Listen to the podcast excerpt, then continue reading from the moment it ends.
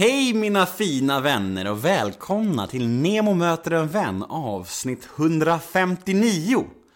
Denna vecka gästas jag av skådespelaren Henrik Lundström och eh, ja, jag åkte hem till Henrik och det blev ett eh, ett ganska långt samtal och ett samtal som vi pratade mycket om skådespeleriet, om hans liv, om hans eh, karriär och och vi pratar väldigt mycket om missbruk eftersom att Henrik har brottats en hel del med spelmissbruk så, så möttes vi där. Vi kunde prata mycket om just missbruk och beroende och den biten. Och eh, när vi pratar om droger så kan säkert vissa lyssnare kanske uppfatta det som drogromantisering och det är inte romantisering på något sätt, det vill jag bara försäkra er om.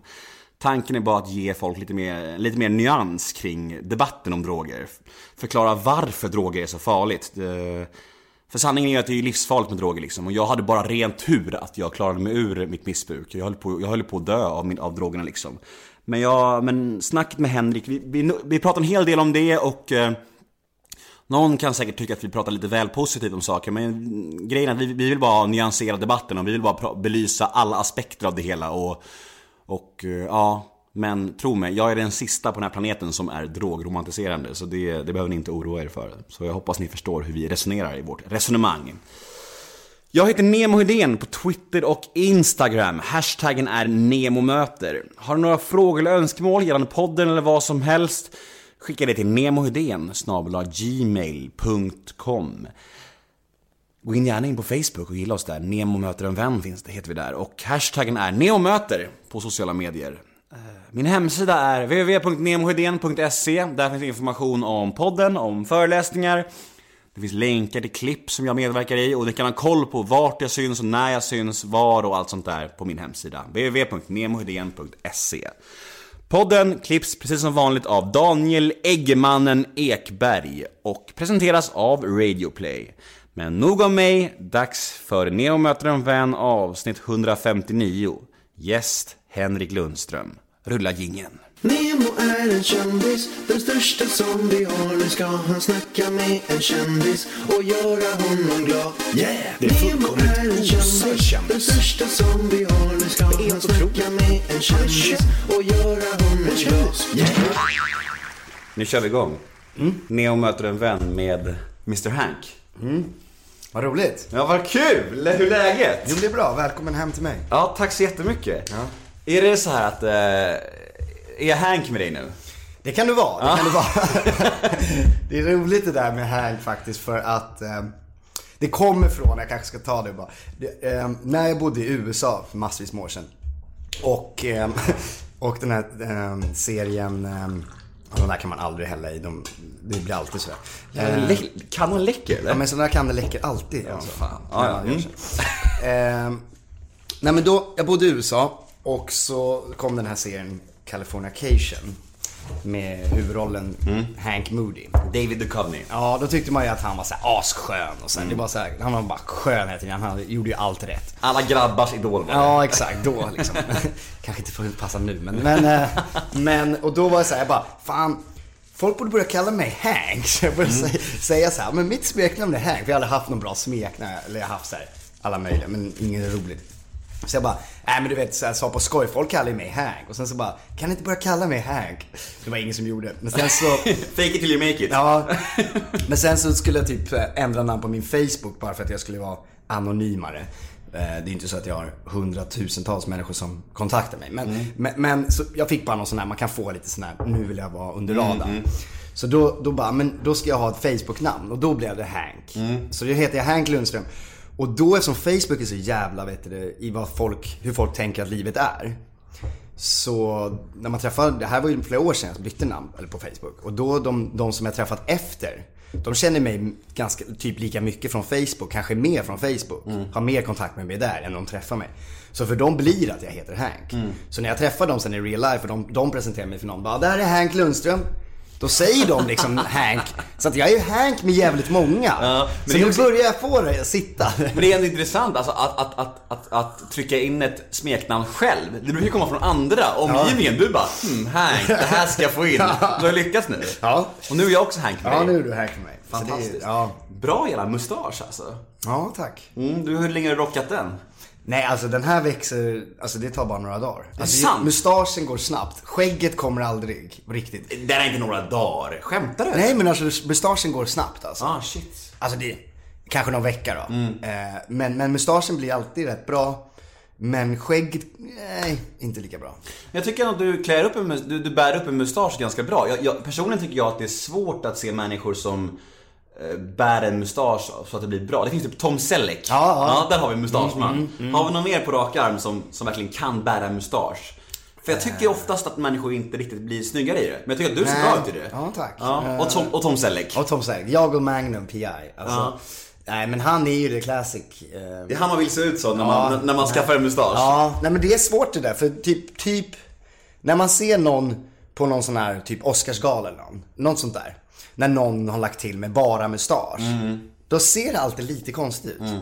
Det är att- väldigt sällan någon så här kommer upp, men typ kommer Joaquin Phoenix eller kommer Mm. Ryan Gosling med mustasch. Då blir det ändå att man bara, ja det där är för någon liten filurig roll. Exakt. Det blir aldrig att man bara, han ska ha mustasch. Jag tror att Alexander Skarsgård hade det nu på Emmy sist. Ja. Och, och då tänkte man ju så här. Ja, visst, visst, han ser ju bra ut, men han ser ju också alltid bra ut. ja, han blir ju ja. inte snyggare i mustaschen. Han, han ser ju bra ut, men det är så här, man, Men man, det känns man, ändå att det där är för någonting. Något är lite lurt. Ja. Ja. Inte att han går runt med mustasch. Liksom. här ligger det ugglor i mossen, vad säger man? Han är ingen mustasch. Här ligger en hund begraven. Ja. Här ligger en mops begraven. Här ligger en mops begraven. Du har en mops som stryker runt här nere. Mm. Och, jag, och vi snackade lite innan att du, du när en dröm av att göra mopsen till en Instagramstjärna. Nej, inte just Instagramstjärna. men ge, genom Instagram kan man ju nå ut och så kanske någon regissör där ute eller producent ser att det här är ju världens bästa hund så att han ska vara med i, i min film eller någonting. Jag vill att han ska jag vill att jag ska kunna bara kick back så kan han make the money. Ja, det är det som är planen. så du ska jag- inte behöva jobba Nej, jag ska alls. sluta jobba nu. Så kan han bli superkändis, nya Man in Black-hunden. Och så kan jag bara hänga med på inspelning och Men, du har, serva nu, nu, har du ju en chans här i min podd att, att marknadsföra din hund. Varför är din hund den perfekta skådishunden? Alltså han är verkligen grym för jag har faktiskt, han har faktiskt redan blivit TV. Eh, eller på väg att bli. Ja, han hade inspelning förra veckan. Det var en helt hektisk vecka, men han var superduktig. Vi gjorde en, ehm, en säsong två på en, alltså det är en reklamfilmserie, fast den är med karaktärer. För moderna försäkringar, kanske man inte får säga. Men, ehm, och då, eh, då du, så sa jag bara så han, när de skulle göra säsong två, att bara, men då måste min hund Taco, som han heter, Taco, vara var, var med. Och de Det var, det var ditt krav? Ja, ja. ja, ja. Och tjejerna som skriver den, som är mina kompisar, de bara, men vi skriver in honom för att de gör ju djurförsäkringar nu. Så det blir jättebra. Så han fick en roll och han skötte sig Alltså exemplarisk. Han är tyst när det är tagning, när de andra gör saker. Han sitter inte och skäller, han springer inte runt och han är ändå... Han är bara sex månader men han är hur lugn som helst. Eh, på, på just på det sättet. Eh, och sen när han skulle göra sina grejer så, så, så satt han det. Han var... Nej, ska, behöver ni en bra hund där ute för en produktion, då, då har jag hunden. Replikerna satt. Ja, ja. Han satte dem perfekt. Vad har du annars för relation till poddar? Eh, jo, men ganska bra relation. Eh, Lyssnar du flitigt? ja, ganska. Det går i vågor. Det går verkligen i vågor. Det, podd är ju någonting man gör när man inte gör någonting annat. Alltså, alltså när man inte... När man är ute och går framför allt. Och det försöker jag göra varje dag. Men går eller cyklar och så här. Nu har man blivit så slö. Förr när man åkte saker, men nu tittar man ju på, för mobilen är så stor. Så nu kan man ju lika gärna titta på en HBO-serie. ja, precis. Så nu börjar man ju, nu, nu, så då försvinner det lite där. Ja. Har du varit med i någon podd? Eh, jag har varit med i en som hette Den oavlossade revolven. Något sånt. Som handlar om spara skådisar. Det är nu du ska säga så här: nej Nemo, det här är min podd hos Eh, Guld. det här, nej, det här är min första podcast. Folk gillar inte det där ordet podd hos Guld, det låter lite konstigt kanske. Märkligt. Ja, nej, men, men, nej, men det här är väl absolut den största, alltså det här är ju den första stora liksom. ja, vad kul Ja, att du är här! Vad roligt Ja. att vara hemma hos dig. Du vet, Jag gillar faktiskt den här podden också. Det här är den, en av de som jag lyssnar på. det jag tycker sant? Den är väldigt bra. då ska du få chansen att säga vilken episod som jag har gjort som du tycker är bäst. Vilken? Åh, gud vad svårt. Eh, jo, jag gillade Filip Hammar-episoden. Mm. Fint. Det var ganska, det var bra, ärligt och sådär. Det är kul för när jag säger såna här frågor till mina gäster då får jag alltid massa folk som är arga bara Du bara söker bekräftelse hos, dina gäster. Ändra fokus till dig själv. Jag bara, då säger jag så här, fuck you, det är min podd, jag gör fan jag vill Du gör vad du podd." vill. Ja, fan. Men det är precis så man ska tänka. Det är samma som jag, jag pepprar ju nu, ja, jag är en fånig eh, sån här apropå hunden och Instagram. Visst, jag pepprar upp bilder på honom. Men det är så här, följ mig inte eller se min hund. Ni får göra som ni vill. Jag har inte bett er följa mig. Vill Nej, du följa mig nej, och tycka att det är roligt. Du kan inte så här, du kan inte vara arg för vad jag lägger upp liksom. Då får du väl ha en egen, alltså. Det är, det är så jävla intressant det där. Folk som, som har eh, åsikter om hur man gör sin podd eller sin Instagram eller så här. Det, så här, det finns ju en anledning till att det finns en anledning till att podden har blivit ganska stor och det är för att jag har gjort som jag har Ja. gjort. Varför ska jag då ändra den? För, Nej, att no, nej. för att några få tycker på ett visst sätt. Det är så här, om inte det passar, lyssna på en annan podd Ja, ja. Eller följ ett annan Instagramkonto. Ja. Det finns massa andra liksom. Så här, det här är min grej, jag kör. Du har din grej, du gör det du. Ja. Alltså, så här, ja. Nej men det är verkligen så. Det är, folk, har, folk har väldigt mycket åsikter om hur andra ska göra saker. Och det Mm. handlar ju om allt. Alltså det kommer ju, det är ju med, om, om vi båda inte gillar SD. Så ska vi ändå säga åt den andra hur den inte ska gilla SD. Mm. Om vi båda är för metoo, då ska jag berätta för dig hur metoo ska användas. För Mm. du får inte göra det. Alltså, Allt ska hela tiden, det ska vara konflikter om allt. Till och Mm. med när man är på samma sida. Typ, jag gillar din podcast. Men du borde göra så här. Varför gillar du den då? Varför måste du då lägga dig i? Alltså, Ja, det är, så här, det är, så här, det är, det är så här komplimanger med klacken på Ja, ja. Jag, tror jag snackade med eh, Camilla Läckberg om det här om dagen och då sa hon så här att folk brukar säga till henne så här Ja men jag, gillar dig men folk, folk säger att du är så dryg men jag gillar dig. Och man bara Men vad, vad är det för komplimang? Nej, det är ingen Det är ingen komplimang! Nej, är ingen komplimang. Säg inte det alls istället. Säg att du gillar mig, det Ja, räcker, då blir ja, jag glad. ja, exakt. Vadå folk ogillar dig? Så jävla oskönt alltså. Ah, shit. Ja, men, men det, där är, det där är roligt. Det där har man ju hört mycket. Typ så här, jag fattar inte varför folk tycker sådär. Jag tycker, man bara, jag visste inte att folk, som du säger, jag visste inte ens att Nej, de gjorde du det. behöver inte Nej, det, jag behöver inte veta Tack för det. den. Det är så kul, när jag skulle träffa dig nu så, du vet att min syrra och du var i Sunny Beach samtidigt? Ja, eh, det här Vilket, du år nämnt, kan, ja. vilket år kan det ha varit? Det 2000, här var ju, 2006 det här var ju, kanske? Det här var länge sedan. Oj. 2006 gissar jag på. Eh, måste du tänka i år, hur gammal, nej vänta. Hur gammal, hur är vi nu? Nu är det 2017. Ja, 11 år sedan. Nej, nej, nej, nej, det är mer alltså. Var Du bara, jag skulle gammal. aldrig vara i Sunny Beach i så mogen ålder. nej, nej, nej, nej. Men jag tror faktiskt att det är fan, det måste, ja, okej, 2005 kanske. Över- 2005, 2005. Ja, Hon hade någon fling med din kompis Linus.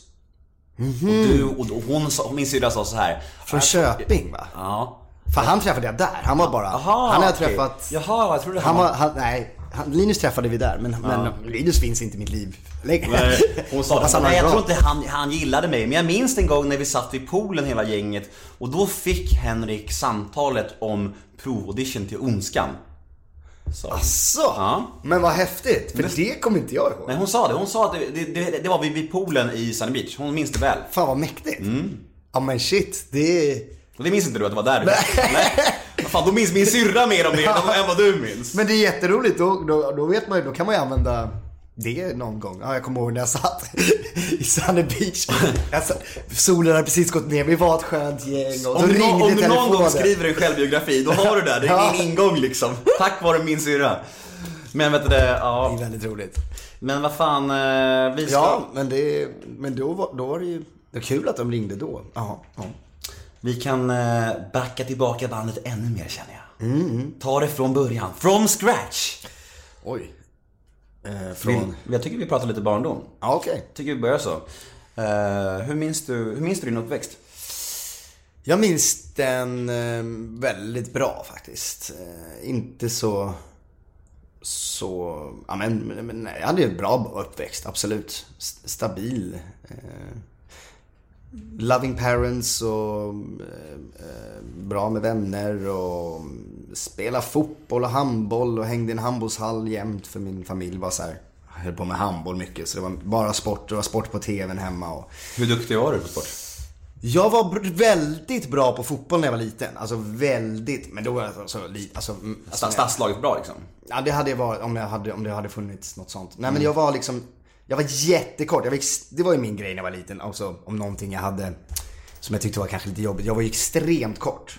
Alltså, Hur kort? Eh. Snackar vi? alltså...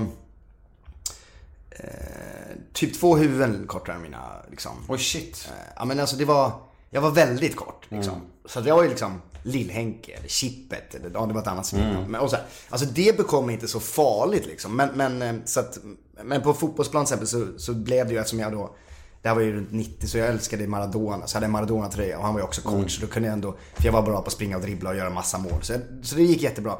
Fram tills att jag liksom, folk började växa ifrån mig. Så fram till 10-11 så var jag superbra på fotboll och gjorde alla målen. Sen helt plötsligt så bara, så stack folk snabbare i utvecklingen och, och blev större och starkare och jag var inte så, ja. Så länge, så då, så, så länge, då, så länge det inte krävdes någon fysik så var du överlägsen? ja, Ja, ja.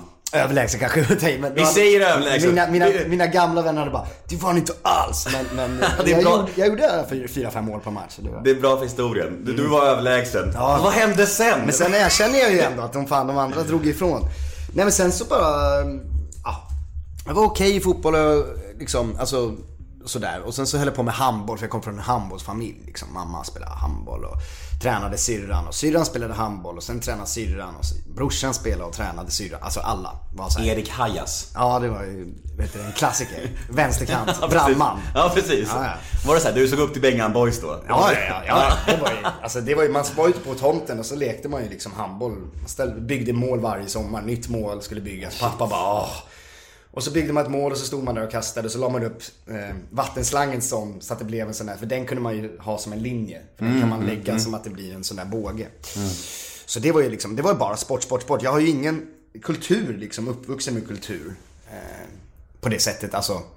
Eh, jag har ju inte liksom, ingen i min familj har hållit på med någonting som har med Kreativitet- liksom, kreativitet. Nej, dansa eller gå på teater. Eller, alltså, det är klart de går ibland på teater, men, men det är ingenting som de tog med en på. Jag, sen var det bara att jag helt plötsligt, eller det var bara jag jämt, ända från att jag, ja, egentligen sen dagis, när jag var sex år, var jag med i en pjäs vid dagis och då ville jag spela huvudrollen. För att jag ville alltid stå på scen. Jag ville alltid göra grejer framför folk och sådär. Kolla på mig. Eh, och sen fortsatte det hela, hela låg och mellanstadiet så satte jag upp, varje gång det var talangjakt så skrev jag egna grejer. Och sen så satte vi upp det och sen så sp- spelade man upp det och sen, ja. Alltid om det fanns en tillfälle så var det uppträda som gällde. Var du duktig på det direkt kände du eller var det mest bara att det var kul? Eller hade du en talang att underhålla lite folk och så här, tyck, tyckte du? Ja men det tror jag att jag tyckte. Jag tror att jag alltid tyckte att jag, jag hade där att göra så att säga. Alltså jag, jag, jag får ta plats. Ehm,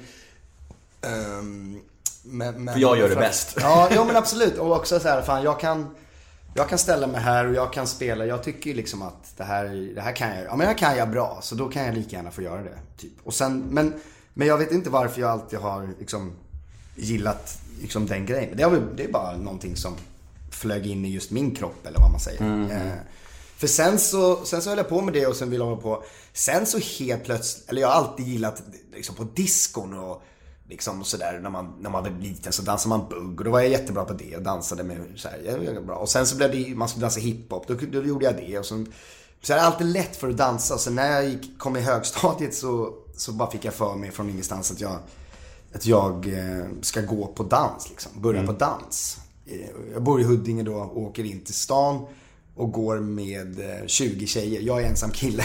Oj. Och eh, 20 tjejer går på showdans. När alla mina kompisar, jag är från Huddinge, alla mina bästa kompisar spelar ju hockey. Alltså, jag är den enda som inte spelar hockey. Du dansar. Ja, jag och dansar. Ganska rund vid det här laget, för då har jag kommit över. När jag var liten var jag jättekort och jättesmal. Sen hände det någonting och, och sen så blev jag fortfarande ganska kort, men växte åt sidan. Så det blev liksom som en rund boll. Eh, så, så jag var lite, ganska tjock, går i högstadiet, är tjock. Eh, snäll kille och åker in till stan och dansar showdans. Det är inte, skön ändå. Ja men det är, det är coolt i efterhand, men det är Ja, inte det, det tuffaste då liksom. Men, Men, men, då men, kan jag tänka mig att det var lite så här, lite, lite obekvämt om att Ja. placera kanske. Men nu är det ju, att säga det är ju, det är ju ascoolt. Ja, det är kul. Ja, och min, Jag kommer ihåg min lä- danslärare var ju så jäkla glad och stolt över mig. Alltså hon, var så här, hon tyckte det var så häftigt att jag var med där. Hon pushade alltid så här. Och, Var du duktig då på det? ja, men jag var rätt duktig. Jag stod ofta, jag stod där igen, jag skulle alltid stå först när man skulle gå på diagonalen. När vi skulle göra någonting, alltså en koreografi, då stod jag längst fram. Och jag hade typ, för det fick jag höra från en annan så här danslärare, att jag var alltid den som lärde mig stegen först. Jag har alltid varit snabb på att lära mig dansstegen och lära mig manus när jag gjort teater. Så här. Det går snabbt bara. Skönt ändå, Ja, om det, man är det, skådis. det är jätteskönt alltså. Ehm, eh, faktiskt. Att jag har väldigt lätt för just det. det. Vilket är sjukt att jag, jag har sjukt svårt för namn och ansikten. Alltså, det, det är bara vissa saker är man jättebra på att lära sig och vissa är inte fast de på något sätt borde höra ihop. Alltså, jag kan lära mig liksom en en text på engelska i, när vi gjorde Angels in America, som, när jag hade i USA så hade jag jättelånga monologer. Det kan jag komma ihåg, men jag kan inte komma ihåg vad den här killen hette som jag hälsade på för tre dagar sedan. Det är ett namn. men jag kan komma ihåg en monolog på tusen ord. Ja, men, Där förstår jag inte hur hjärnan fungerar. Det där är jobbigt tycker jag när man inte minns människor för man kan så lätt uppfattas som arrogant. När man egentligen inte är Nej, det. och divig och, och, och framförallt en själv. Det är framförallt en själv som gör en större grej av det. Ja, ja, ja. eh, eh, men, än vad det är. Men jag kommer alltså inte ihåg. Jag är jättedålig på ansikten och namn. Och den, eh, sen f- f- i mitt fall så blir det ett jävla jobbigt för att det blir en, ett lager till utan att låta så. Men en del känner ju igen mig. Så vissa kan ju stanna med blicken i en sekund extra på mig för att de känner igen mig. Och då tror jag att vi ska känna varandra. För att jag vet ju inte. Och då blir det nästan som att ska jag säga hej och äh, hej, är du, känner jag dig? Och sen så, så nu har jag faktiskt senare tid slä, skippat den här eh, jantelag, snäll, var snäll och säga att ja men vi har nog sett, då säger jag direkt, jag är skådis. Och det tar bort 90% av fallen. eh, När folk, när jag är liksom, för det är oftast så liksom att om det är någon som, jag känner igen det, har vi träffats? Eh, ja, eh, jag vet inte, kanske. Fast jag är ju också skådis jag, så du kan ha sett mig. För förr så sa man förr så, i början så vågade inte jag säga det. Eller våg, men den här typiska svenska, jag kan inte säga att jag är skådis. Det är som att jag skryter. Det, men det, så kan man inte säga det. Så bara, varför ska jag inte säga det? Jag är ju det. Och då har du sett mig på TV och, och jag menar, utfallet blir ju ofta att folk bara, eh, ja det är såklart, det är därför. Men fan. Så jag tycker det är jättesvårt det där. För, jag, alltså, för att man vill ju heller inte, det, det, jag tycker det är en balansgång. Alltså om någon kollar på en och kanske säger så här på stan, ja tja, tja Nemo. Då blir jag så här. Okej, har- känner den här människan, eller är det någon slags poddlyssnare, eller är det någon som har kanske sett mig från Kungen av Tylösand för många år sedan? Och jag blir såhär, okej, tycker han om mig? Tycker han att jag är ett svin? Är det en gammal vän? Är det ett gammalt ligg? Kan Ja, det, ja. det kan vara vad som helst. Ja, ja. Och jag blir så här. Och jag börjar säga det som du säger nu, jag bara blir- blivit helt ärlig nu och säger såhär, ursäkta jag, jag vet inte riktigt vem du är. Ja. För, eh, har vi träffats eller så här? Och jag tycker att man kan vara ärlig. Ja, man ska jag. inte skämmas Nej, över jag det. vet. Mm. För jag har också skämts över det jättemycket så här. Jag, jag, jag, jag har spelat med liksom så här. Ja, ja. Ja, länge spelar man med. Ja. Människor kan säga så här, ja tack för senast och jag bara Ehm, ja, eh, du vet så här. Och då blir man så här, man känner man sig dum. Och vad fan ska man och känna sig dum för? Nej, jag vet. Men det, det är ju någonting att man inte... Jag tror att det är också en...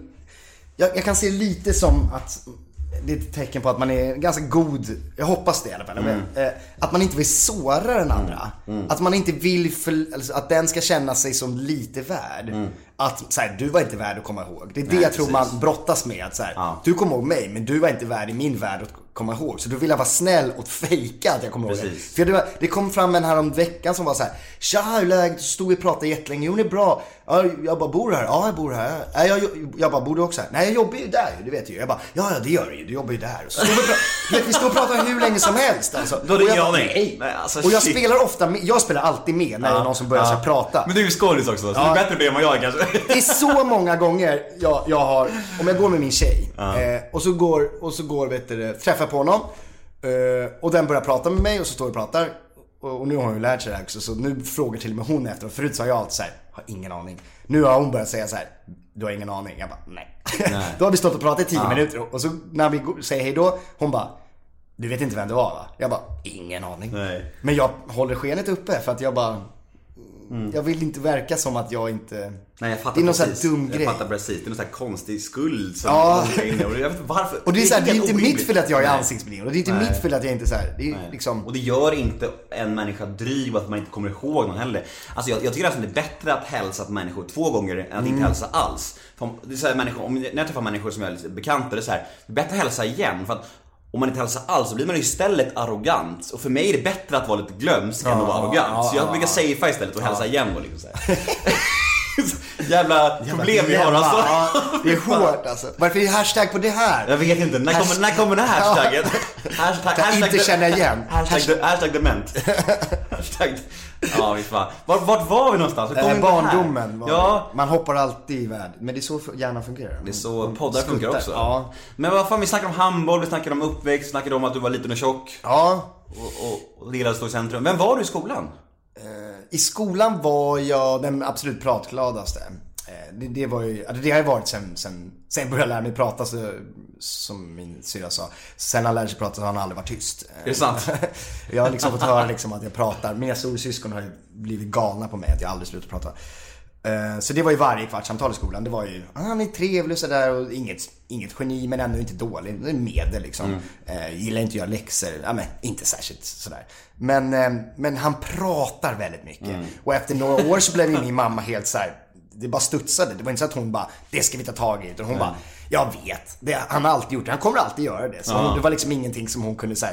Hon brydde sig inte liksom. Hon bara, jag vet att det är så här. Sen så var jag väl liksom, ja men jag var väl, ja men jag var ganska Medelstudent. medel, medel, alltså medel okej. liksom. Alltså det jag gillar blev- var jag bra på och det jag inte tyckte var så intressant fick, om man säger så här i slut, om man kollar gymnasiet när man börjar få betyg, nu vet jag inte, nu får ungarna betyg när de är två år känns som, men på min tid i alla fall när man fick På min tid! På min tid! På, Nu är vi gamla här. Gamla, gamla tiden.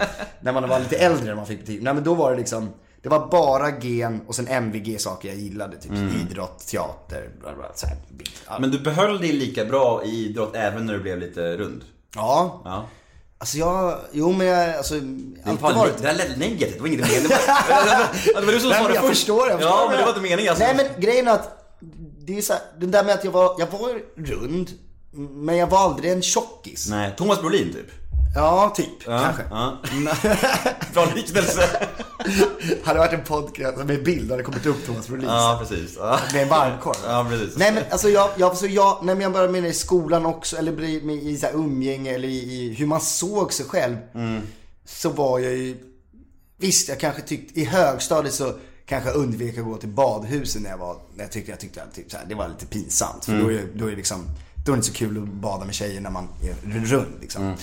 Så där, sådana grejer. Men, men förutom det så var jag aldrig att jag så här, alltså jag, jag sprang runt och hade på mig och såg, tog, tog en frisyr som jag kanske inte skulle haft i, med den huvudformen. Du vet. Men, men jag såg mig aldrig själv. Man, det var, ju- andra, andra människor, det fanns ju de som var tjockisar. Men jag var ju aldrig en tjockis-tjockis liksom. Och det är därför det alltid blir så konstigt när alla är så här, För det är verkligen det första alla alltid säger. Det är så här, du var med i Ondskan. Eller typ så här, Ondskan är den som alltid kommer till Och bara, men fan du ser mycket smalare ut nu.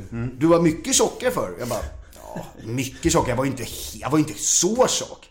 Det är att folk bara liksom har lagt det att Alltså jag var ju lite smårund, lite pluff, alltså så här, lite babytjock liksom. Det var också Men- karaktären du spelade. men karaktären blir ju kallad tjockis Ja, eller gris. precis. Ja, och då exakt. sätts det i huvudet. Och plus att folk har läst boken. Då har de ju målat upp Pierre som jätterund. Mm, Om man tänker så. Han är... Och läraren står där och pratar om men när man tittar, men det är så jävla... Skulle man, säga att, skulle man säga att han var jättetjock, Nej. då skulle väldigt många vara väldigt tjocka. Normal plus skulle jag säga. Ja, ja precis. Men, men, men, men det blir ju reaktionen blir ju allt. Och därför blir det så märkligt för mig att jag bara du är smalare nu. Jag bara, ja, ja, dels är det ju 12 år sedan. Så det är alltid roligt att folk tror att man ska se likadan ut. Ja. Det är så här, Hey, I'm Ryan Reynolds. Recently, I asked Mint Mobile's legal team if big wireless companies are allowed to raise prices due to inflation. They said yes. And then when I asked if raising prices technically violates those onerous two year contracts, they said, What the f are you talking about, you insane Hollywood ass?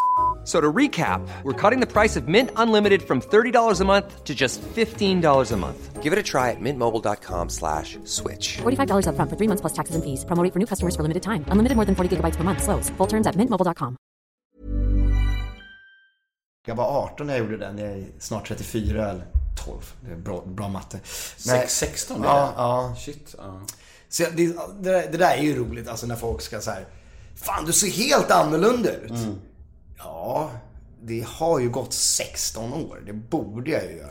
Är det tråkigt kan du känna att vara så förknippad med en film så ibland? Nej, nej. Det är faktiskt... Eh, alltså... Det, det skulle man kunna tänka om man tänker att man får inte får göra något mer bra grejer. Nu fick jag ju göra bra grejer efter den också. Men det är superhäftigt. Eh, brukar, tänka, brukar inte tänka ofta, men det slår mig ibland. För att det är så väldigt många som har den som favoritfilm. Och det coola med den är att det är nya generationer. Så när, vi, när, när filmen kom på bio, när, när vi gjorde den. Då var det så här, 16-åringars favoritfilm säger vi. Och under och, och över också. Många som gillar den över och under också. Men vi säger bara det spannet nu. 16 till 18. Eh, älskar den filmen. För varje år kommer det nya 16-18-åringar. Och så blir Ondskan deras favoritfilm. Så den liksom stannade inte den liksom, utan nu 2017, de som är 16 nu, de får Ondskan som sin favoritfilm. Så för varje år så är det en ny generation som har Ondskan som sin favoritfilm. Och som är så här, det är den bästa filmen, jag ser på den jämt. Och det är liksom, jag skulle nog säga liksom utan att låta för skrytsam, men det får man väl göra. Att det är liksom en av de mest klassiska svenska filmerna. För det har man ju förstått av folk som kommer fram. Liksom. Den är så himla... Jag menar nu till och med tror jag i skolan, förr skulle man läsa den. Nu tror jag att alla ska se filmen. Det var någon som sa det så här, ja vi måste se filmen när vi går åttan. Bara det. Alla ser en film där jag spelar en av huvudrollerna. Varje år. Det är ju superhäftigt. Vi kommer återkomma till Ondskan. Ja, Men vi ska dröja lite fortfarande vid, vid ungdomen och barndomen. Och vi pratade lite om du, att, att du var en 3 plus student, skolan skulle man kunna säga. Medel? Ja, två skulle jag säga. Två, ja. hur, alltså, var- hur var det inte, så... Det är roligt det där, alltså, jag måste bara säga, eh, förlåt att jag avbryter men det är kul. Jag var ju inget speciellt alls ettan till sexan. Eh, eh, skolmässigt liksom. Eh, däremot så, så kul när min sko, skola då fyllde 60 år här om året så ska de hänga upp en sån här wall of inte Wall of Fame för de vill göra någonting annat, Wall of Inspiration. Och då kontaktade de mig för att jag har blivit lite framgångsrik, för att jag är lite känd. Liksom, Eftersom jag har gjort film och sånt där som syns. Så då sitter jag på ett kort för den här skolan. och det är så komiskt bara för att hade jag, hade jag liksom, det var ingen som hade sagt att jag skulle sitta på kort när jag då gick i skolan. Nej. Det är liksom verkligen inte att jag skulle sitta så här. Följ den här killen, då blir det bra liksom. Det skulle liksom, sånt skulle aldrig ens kommit på tal då. Lite halt av dem tycker Ja. jag.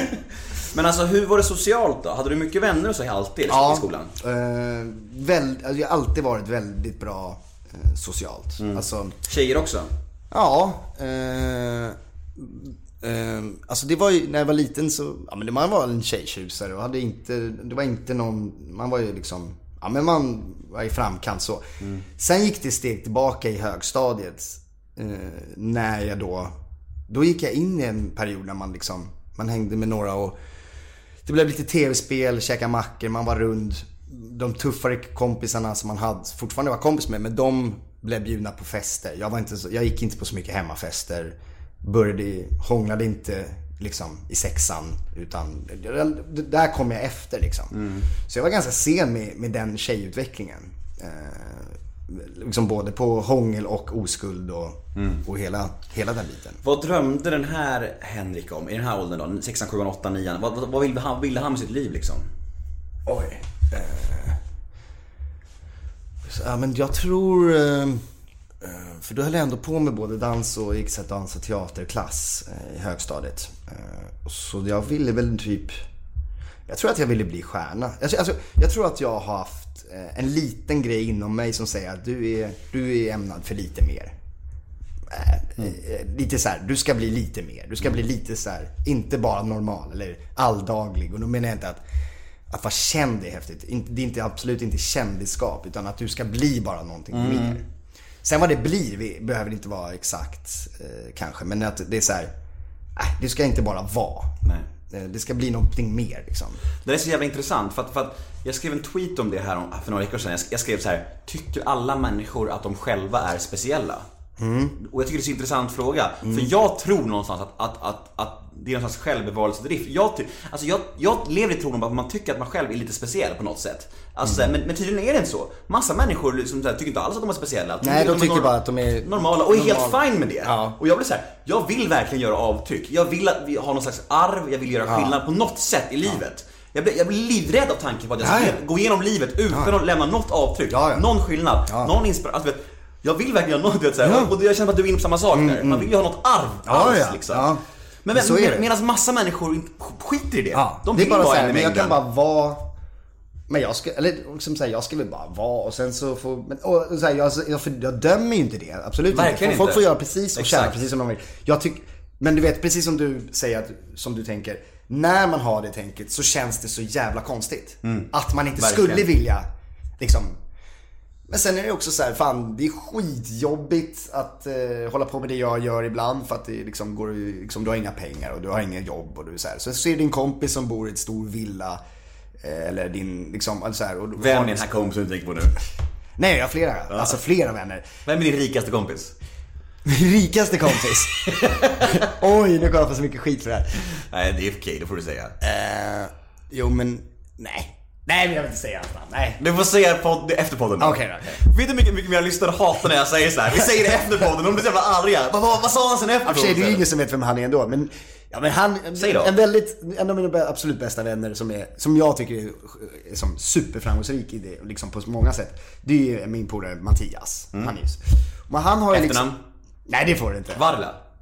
Alltså, Mattias Varela? nej, nej, nej, nej, nej. Han jobbar inte med skådespel. Han är inte någonting. Mm, mm. Ja, Men det är han, det jag menar. han är en vanlis. Han är en vanlis. Ja. Och trivs superbra men är alltså vanlis i det bemötandet att han är ju roligare än de flesta människor Ja, vet och sådär. Liksom. ja. Han är ingen vanlig så men, men, men, men har liksom ett bra vanligt jobb och har ett vanligt liksom liv om man Mm. säger.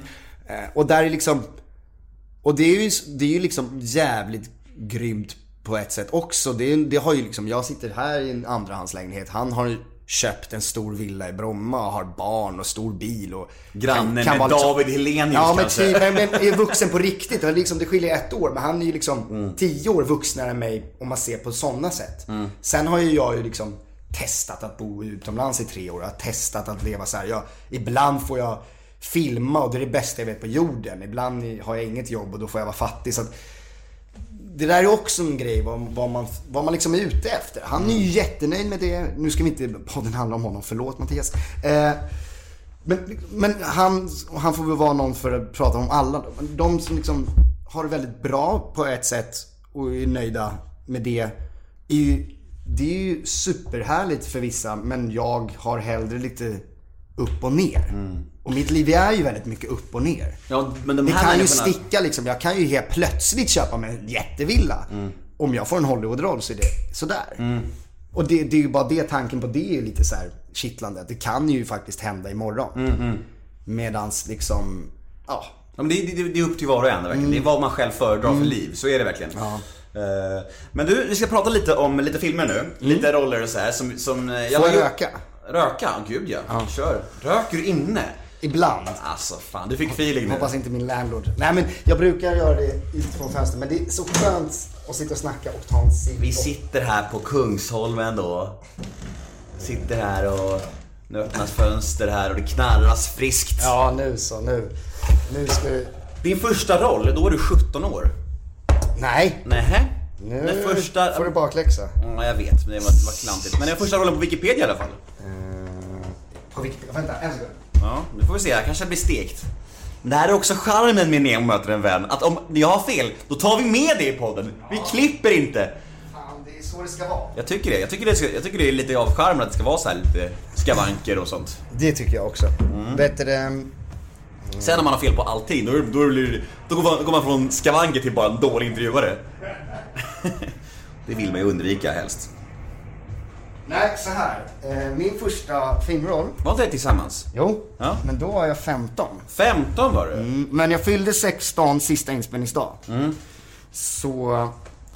Eh, Det, är ju, det, det om något är ju en av de bästa svenska filmerna någonsin. ja, Det måste man ju säga. Det är, det är ondska klass.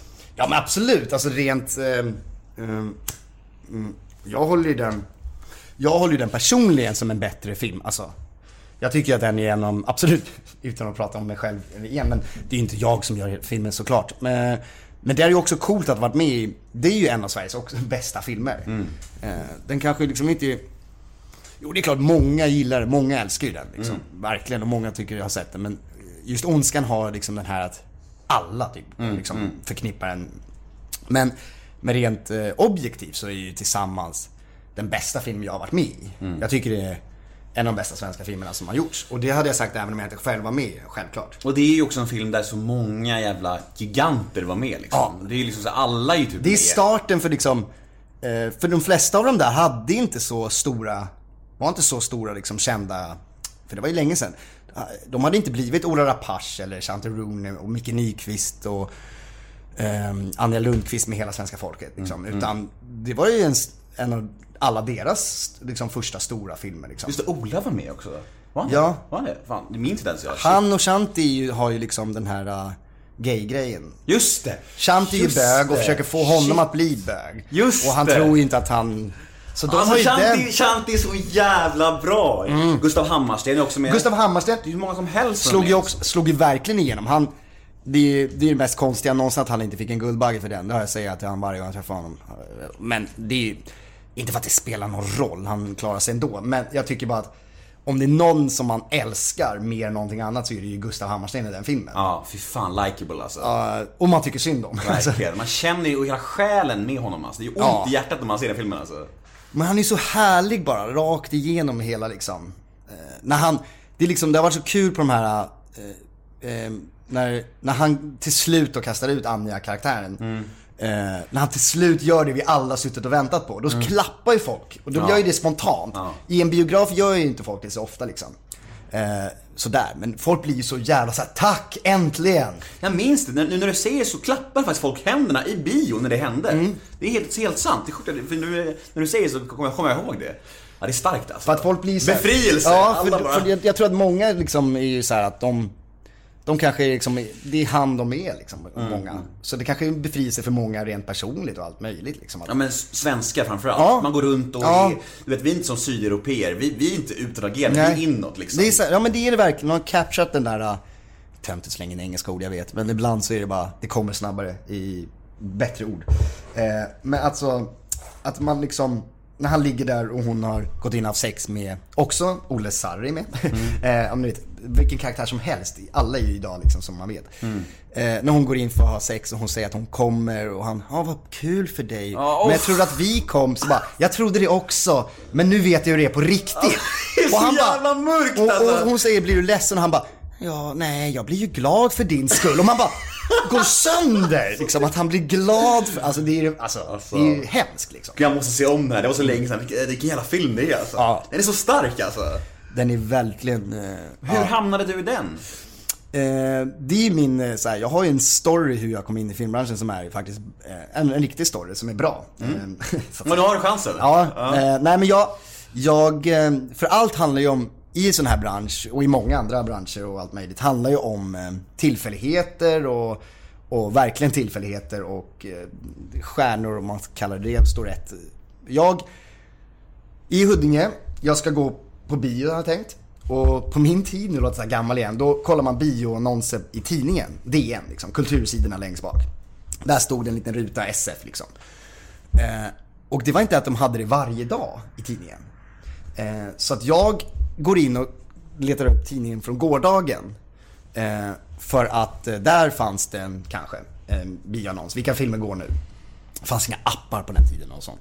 Eh, det låter verkligen som 75. Det fanns inte ens en mobil. Nej, nej, nej men, man, nej, men det, det, det, det är häftigt med det. Alltså, när, man var, när man var ung, nu sidospår igen, men när man var ung så pratade man ju om så här. Jag kommer i alla fall inte börja en sån här som pratar om, när pappa pratar om radion eller du vet. Nej. Du vet, så jag, Man har sånt där. exakt blivit så. Man har exakt, det är så här, Ja. "Ja, kommer du ihåg 10-sedeln? Nej, va? Hur gammal är du? Och man bara, låter som 75 eller Mhm. mobiler hade vi minsann inte när jag var liten. Mm. Alltså man hade ju inte sånt. Evolution. Ja, nej men i alla fall. Nu spårar jag ur igen, eller sticker iväg. Men i alla fall. Då, så då går jag in och hämtar gårdagens tidning. Och där är en liten annons, så här, en liten ruta. Jag visar här, jag vet inte varför jag gör det. Men, men eh, och där står det, Lukas Moodysson, vi söker skådisbarn mellan 7 till 15. Eh, till Lukas Moodyssons nya film, han som gjorde Fucking Åmål. Det var allt som står. Öppen audition. Och jag eh, mm, hade inte sett Fucking Åmål, men Va? visste, men visste såklart om den. Ja, svår, miss, svår att missa. Ja, den var ju liksom superkänd och sådär och allt det där med Guldbaggen och allt ståhejet. Eh, och då eh, tänkte jag så här, fan. Eh, det kan man ju gå på. Som sagt, jag har ju aldrig, jag har ju aldrig blivit, gått på så här vår teater. Jag har aldrig blivit, varit med i någon sån här Bullen brev-film som många unga skådisar var. Eller jag, allt sånt där. Jag var liksom, i den världen var jag ju nobody, en rookie. Eller jag hade ju inget, jag Ingen scenskola. Helt vanlig eh, medelklassfamilj i Huddinge som håller på med sport liksom. Men jag vet tar tåget in till stan och vet du, ställer mig i den här kön med tusentals kids liksom, i alla åldrar. För de söker från små barnrollerna också liksom, och tjejrollen. Och, Och du är 15 år här. ja. Och så står jag där och så tänker jag så här, nej, fan, ska jag stå här för i världens längsta kö? Nej, jag går hem. Och sen så bara, nej, nu är jag ändå här, då får jag väl vara kvar. Och då så gör de bara en så här, då var det verkligen bara, hej vem är du? Hej jag heter Henrik, jättepipig röst som jag hade liksom scenutveckling och där. Och hej jag heter Henrik och jag gillar Robert De Niro. För jag hade typ tänkt det innan faktiskt. Jag bara såhär, frågar om något sånt så ska jag typ säga att De Niro. För det, det är väl sånt som är häftigt att säga.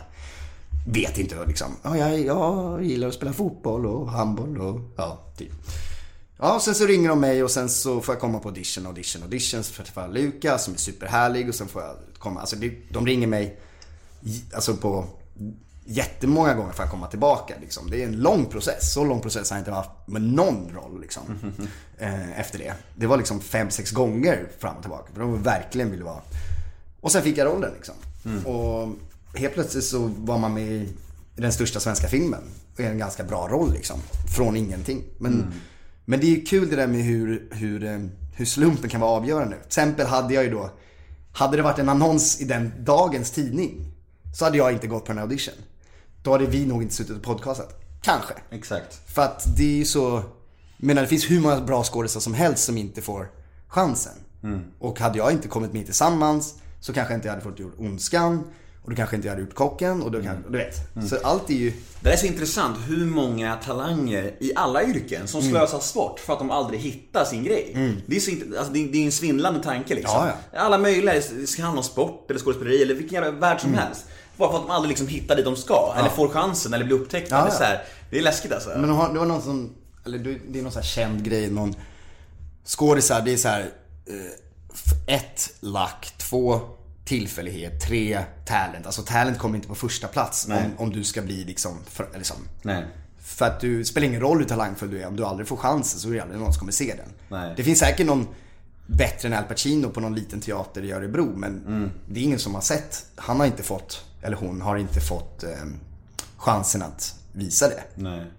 Hur var inspelningen då av Tillsammans och hur var Lukas att jobba med?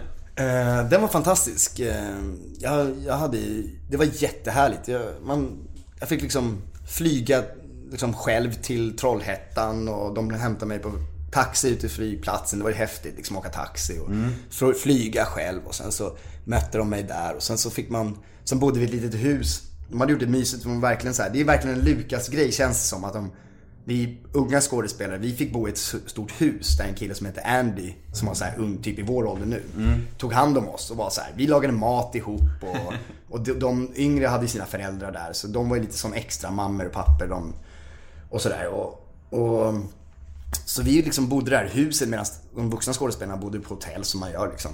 Och sen så Ja men sen så spelade vi in och alla vuxna skådespelare var ju superhärliga. Så än idag så är de ju alltid när man träffar dem så här, världens bästa mot en liksom. De, Hur är Lukas som regissör? eh, alltså han var ju superhärlig. Nu var det ju väldigt länge sedan.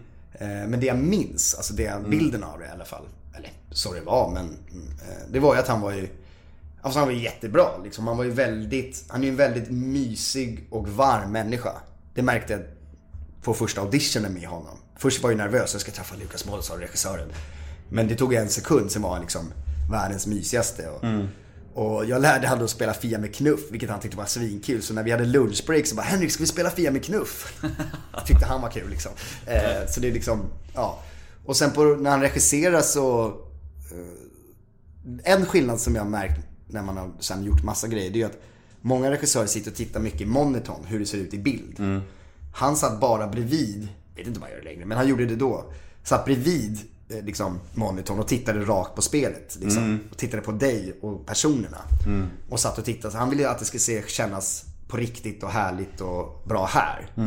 Sen får bilden också vara bra, men, men medan vissa regissörer, det är, det är väl bara olika sätt. Jag vet inte vilket som är bäst. Men till exempel i Ondskan, då satt Mikael bara bakom monitorn 100 meter bort och sa Ja, jag gör sådär. Och sen så tittar igen, ser det bra ut i bild. Vilket på ett sätt är det som räknas. Men det kanske, Lukas kanske får in det där extra varma känslan. För att han Men det är ju båda, som, som du var inne på, det är ju båda, både, både Ondskan och eh, Tillsammans är filmer som blev så jävla stora. Alltså kan man någonsin känna det när man gör filmen att fan den här filmen kommer nog bli stor? Eller är det alltid liksom en överraskning om filmen blir en succé eller en flopp?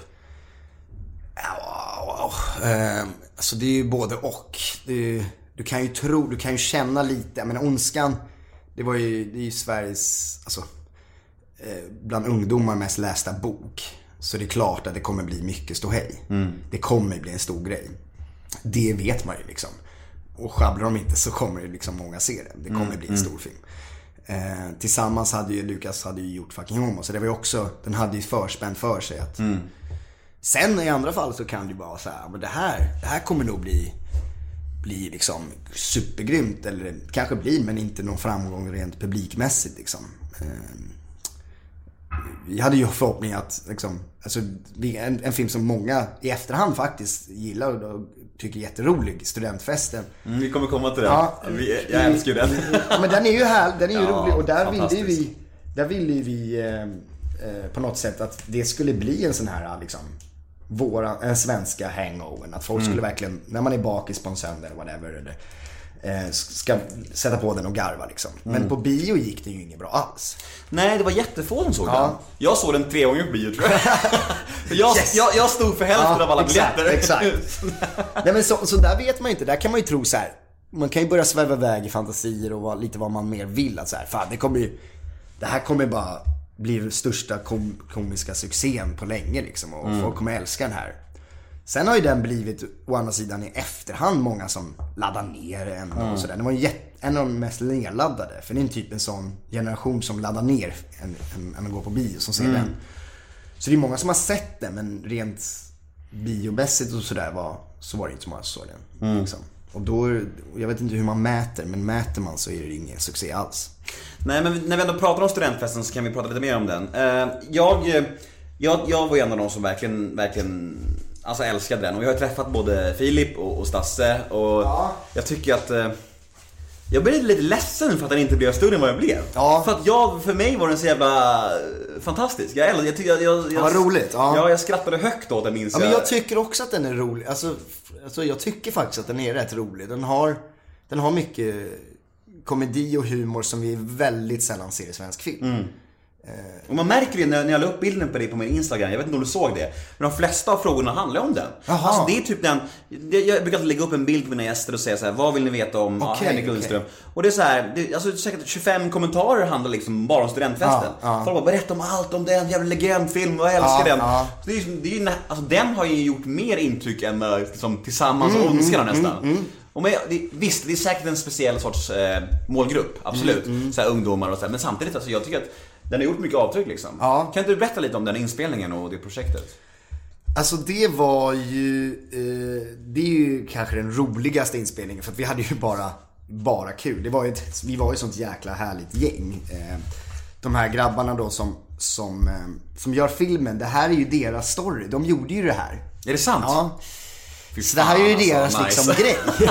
Man ska alltid ta, vet du, det det man liksom, man ska alltid ta verklighet, eller vad man säger. Sånt som har hänt på riktigt, för det blir ju alltid nästan bäst. För det, kan, det som man kan bäst liksom.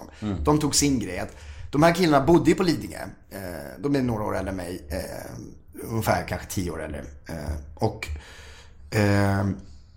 de, de åkte runt varje år och vet du det, klädde upp sig och fejkade att de kände folk och bara så här, se hur, hur långt de kunde gå. De var liksom lite så här gränslösa. Och bara ställde sig, för de visade så här gamla bilder då. Eh, när de står så här med en tjej, de har en sån här glassgubbe, de har en skylt och så står de fem grabbar uppklädda med så här. Och så står en stackars tjej i mitten där och hon bara vi har ingen hon vet inte vilka vi är men vi bara Det är ju skitroligt. ja, jag antar att vi... Så här. Och, de, eh, och han som jag spelar, han fanns på riktigt. Eller finns. Inte fanns. Han finns på riktigt. Eh, precis som i filmen, han heter inte Frans, men han kallas Frans. Han har ett annat namn, men i kompisgänget så kallas han Frans. Så de har ju tagit liksom, ja men det är så jävla smart. Ta sånt som faktiskt man, han skriver en story om saker, om man nu har hänt sådana saker. Istället för att sitta och bara, vad ska hitta på någonting från ingenstans. Då har de tagit liksom sin grej. Och Philips roll finns också på riktigt. Eh, Så de har ju tagit karaktär de har träffat på. Eh, vilket är roligt. Och sen så kommer man till inspelningen. Dels är det ett skönt liksom, gäng som gör film. Och sen så får bara vara med Filip och Stasse varje dag.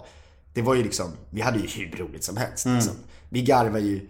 Och då var inte vi så bra kompisar någon av oss. Kände ni varandra innan? Ja, vi har liksom sprungit på varandra Mm. lite grann. Eh, Men inte mer än så. Jag tror inte de heller var särskilt eh, mer än så. Men vi klickade ju direkt och hade liksom från första dagen så bara eh, liksom åkte, vi åkte till inspelningsplats ihop med Philips lilla röda bil, röda faran som vi kallar den. Och, och sen så bara satt man där på inspelning och, och mellan tagningarna garvade och gjorde sketcher och för varandra och bara, och sen så, det var därför det blev så naturligt tror jag i vårat eh, spel också. För att liksom, det går, det går inte alltid, man kan inte fejka att man har en skön kemi liksom. Nej. Så när vi liksom sitter mellan tagningarna och garvar precis så här. Och sen så är det tagning, då har ju vi det i oss. Och sen börjar vi lalla och prata med varandra. Och kan säga typ så här, hörru du, kom ja, ja. Så, så har man det där snabba tugget som, som vi har liksom naturligt ändå. Så det tror jag gjorde jäkligt mycket att vi, vi var liksom så, så bra off-screen varje gång också liksom. Och ni har varit, alltså ni blev goda vänner och har varit det sen dess eller? Ja. Ja, jätte, jättebra vänner. Alltså verkligen några av mina bästa. Liksom, vi hänger ju jättemycket. Ehm, och, och vet du nej men Filip var ju med i Ondskan. Liksom. Ehm, där, där, ja, han är, där ser han väldigt ung ut. Han är ju, han är ju den här tredje kompisen till mig och Andreas karaktären. Right. Som heter Johan. Som är liten, alltså då är han ju en liten tanig sak som säger ja jag heter Johan och Mm. ehm, det är vi, när vi till exempel visar Erik-rollen rutan så är det jag och han. Mm. Så, eh, så han har ju en roll där. Eh, Så vi träffades ju redan då liksom. Mm. Eh, mm, Men sen så hade vi inte sett på flera år. Men nu är det ju jättebra kompis. Välkommen till Däckteam! Nya däck. Här! Däck! Och där! Snyggt! Ha! Ja! Där satt den! Easy peasy! Välj däck från Bridgestone. Full kontroll även när det spöregnar. Däckteam, vet vilka däck du behöver. Med Tres tilläggstjänst Tre Världen Företag blir business enklare när du reser. Mejla från strand i Thailand. Eller videokonferens från USA. Med tjänsten kan ditt företag surfa och ringa i 80 länder. Välkommen till Tre Företag. Fan vad cool. Eh, ja, det går vidare till nästa roll då som folk eh, har liksom fastnat för. Mm. Det är ju rollen i Kocken. Och då spelar du mot en eh, personlig favorit som jag, jag har ju haft Kjelle här med i podden. Han är faktiskt en av de som bidrog till att podden slog igenom. Han var ju han var ju en av- de tyngsta gästerna tidigt. kan hade, jag tänka mig. Jag hade han, jag tror det var avsnitt, alltså för ungefär två år sedan. Och då hade jag bara haft så här lite halvkändisar innan. Mm. Och så ställde han upp för att, vi, för att jag är bekant med en av hans döttrar. Okej. Eh, Sandra. Eh, Och eh, ja, han ställde upp och han, alltså fy fan alltså. Fy fan vilken fantastisk människa. han är det, ja. Alltså, alltså jävla varm och rolig och, och du vet så här, ja du vet ju. Han är Ja, ja. otrolig alltså. Ja, Kan inte du berätta lite om, om kocken och om Kjelle och all, hela den? Ja men där var det ju också, eh, man har ju liksom, eh, fan vad det spiller från den här. Om det är någon som vet hur man häller från en kaffe så får den e-maila mig. Henrik försöker hälla upp kaffe, det bara rinner kaffe över hela bordet. Eh, vet du det, nej men där, han är ju också en, nu, nu, nu, det låter ju bra nu när man pratar om det, att man säger åh den filmen är klassiker, den filmen. Men Kjelle är ju en klassisk person. Av all, all, om man, där, är ju, där är ju det ju att liksom alla älskar Kjelle. Alltså rent liksom, har sett han på film och så här. För Kjelle har ju den här, han har ju någonting som bara han har. Han har alltid varit liksom så jäkla skön på film och TV. Men det är ju lite för att han är lite som sån annars också. Han är ju lite, han är ju Kjelle liksom. Mm, Kjell Berka från Ja, han är Kjell Berka. Liksom. Ja, och alla älskar ju så här. Det är ju liksom, om många tycker om ens, som så här, "Ja, den filmen är min, då är Kjelle den personen som flest Mm. nämner så här. Fan, hur var det att jobba med Kjell Bergqvist? Eh, Hur, är han lika skön? Så här, den frågan har jag fått hundratals gånger. Och nu jag säger och nu får du den igen. Ja, och Ja. jag säger alltid samma svar. Att han är precis lika skön som han liksom framställs, eller som han verkar, om man nu tycker det. Men han är ju verkligen opretentiös och skön kille liksom. Han vill, eh, precis som jag, se en Champions League-match, ta en öl eller två och, eh, och garva och snacka och inte prata superförnämt om teater liksom. Det kan, man kan kolla på teater, absolut, det kan vara kul. Men, men det behöver inte, bara för att man är skådis behöver man inte vara skådis liksom. Eh, utan man kan fan gilla att snacka tjejer och fotboll och dricka en öl också och sen vara jättebra på att vara skådis. Och om det är också en så här, en rätt, liksom, det är inga krusiduller. Det ska liksom, han är rak på och det ska vara rätt liksom. Han är schysst på det sättet att är det någon som inte får är det någon som blir behandlad dåligt? Är det någon som inte... Han är liksom... eh, han är grym på det sättet. Han, ty, han, tar, han tar ingen skit helt enkelt. Nej. Jag hörde, jag tror jag pratade med någon så här lite dålig skådis som pratade om han hade sin första roll i någon Kjelle-film och Kjelle var verkligen någon som såg alla liksom. Han verkligen så att även om du var världens minsta roll eller om du bara skötte fikat, han såg alla liksom. Väldigt så här, och det är ju väldigt fin egenskap. Även som rutinerad räv liksom. Ja, att inte bli så här precis. divig, att verkligen Nej. bara så här, ta in alla. Och sen så var ju, men sen också, men det som jag ska säga också till hans, eh, inte försvar för jag har inte, förs- jag har inte sagt något dåligt, men, men han var väldigt professionell. Så man kan ju tänka om man är en sån här, jag är Kjelle, jag går in och är, bara, jag är bara Kjelle, så löser det sig liksom. Visst, det, det kan han ju göra och det kommer bli bra, men han var ju också väldigt professionell. Han kunde ju alltid alla sina repliker. Det var ju alltid 100% fokus. Det var ju aldrig att han var lite trött eller jag är lite bakis eller jag är lite sömn. Du vet, eh, inte för att han söp massa och skulle vara bakis. Men jag menar att det finns ju de som, det finns utan att nämna några namn som kan komma, som man har hört skräckhistorier när de kommer till inspelningar. Ja, jag har ju inte läst manus men eh, det här blir väl bra. För att de går på rutin. För att de har kanske gjort samma roll i för många polisfilmer. Eh, eh, nej men liksom, och det, men Kjelle var var liksom, det, det är stenhårt fokus från, från liksom, när man är på inspelning, från att man säger nu repar vi den här scenen, då är det fokus. Och det fick jag uppleva. En hård eh, Kjell-utskällning och sen dess, då skärper man sig alltså. Är det så, alltså? Ja. Berätta. Vi är på den här båten. Vi åkte ju, det var ju en mäktig inspelning. Det är, ju- där är ju också en grej som har liksom man varit med om som händer väldigt sällan i, i, i svensk film. Eh, tycker jag. Man får, liksom, vi fick ju åka till Sydafrika och, och filma i Sydafrika. Och i två olika städer. Och sen så åkte vi riktig båt som frak- fraktade, en fraktbåt. Från Durban nere i Sydafrika hela vägen upp till i England, någon liten ort. Där. Så vi var ju till havs i 23 dagar. Och det är ju inte ofta liksom man ser en svensk film som faktiskt åker iväg och filmar en stor liksom, en biofilm på det sättet. Så det var ju skithäftigt. Eh, Men då, då är vi på den här båten och det fanns ju inget att göra på den här båten. Alltså vi, eh, det man gjorde efter man, dels många dagar hade vi ingen inspelning för att vi vi, hade bara, vi spelade bara in vissa saker där an, andra köket och, och hytterna, det är studio. Så vi behövde ju inte filma varje dag för det fanns inte så mycket att... Så det vi gjorde det var ju liksom att så här, spela eh, Uno eller spela poker, röka för mycket cigg och supa liksom. Alltså, Det blev ju det, man drack liksom. För det gör folk på sjön också liksom. Det, det är väldigt billigt och, och väldigt enkelt och man fördriver tiden. Så när man uppe en kväll och druckit lite för mycket med kompisarna där i teamet eh, och så ska vi spela in dagen efter. Vi ska göra en, här, en, en scen som ska vara lite high, liksom ska vara på högspänn liksom. Han ska visa mig han, det han egentligen håller på med. Han håller på med att med så här, smugglar diamanter. Och då ska jag liksom vara, det ska vara, nu, nu är det så här liksom. Och nu, jag ska vara helspänd, jag ska vara nervös och han liksom. Och jag, jag står väl där och är lite bakis. Eh, Så att jag är liksom, man ser på mig kanske, han ser att jag är liksom, ja, ganska så här, ganska halvdant intresserad. så att jag liksom så tittar och bara är så här, ja det är ganska liksom avmattat. Jag står och bara, när vi kör, då bara slår han näven rakt i, det, den här köksbänken. Svinhårt. Så alla i teamet som håller på, för vi håller på att repa nu, så folk håller på att för, fixa ljuset och någon gör något annat. Alla bara stannar upp och bara, och bara, och då bara säger han till mig bara, vad fan är du någonstans? Du är inte ens här. Nu får du kvickna till. Fan skärp till dig. Och jag bara, jag bara, det alltså. bara dunkar 180 inombords. Jag bara, "Mm, ja förlåt, ja, ja nu får du fan kvickna till för du sitter, står ju och halvsover. Så här kan du inte hålla på. Där en gång, han är professionell. Han kanske också är trött men han, han, när det är jobb så är det jobb. Och det var ju en bra läxa. Man lär sig genom, eh, det är ju sånt här yrke, man lär sig mycket genom att jobba med det. Learning by doing. Ja, ja. För då blev jag så här, fan, det är fan rätt. Jag ska aldrig vara ofokuserad. Och där när vi sen gjorde scenen var jag ju på helspänn. Det blev jättebra. För jag, jag stod ju bara typ livrädd. Nej men att jag skulle inte... Jag var ju...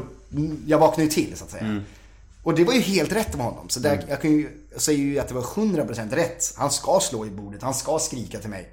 Inte på något så här... äh, Vara en äldre skådis och försöka lära upp de yngre. Liksom, inget sånt. Utan han hade ju 100% rätt. Jag var ju inte med i situationen. Och då ska han fan säga till mig.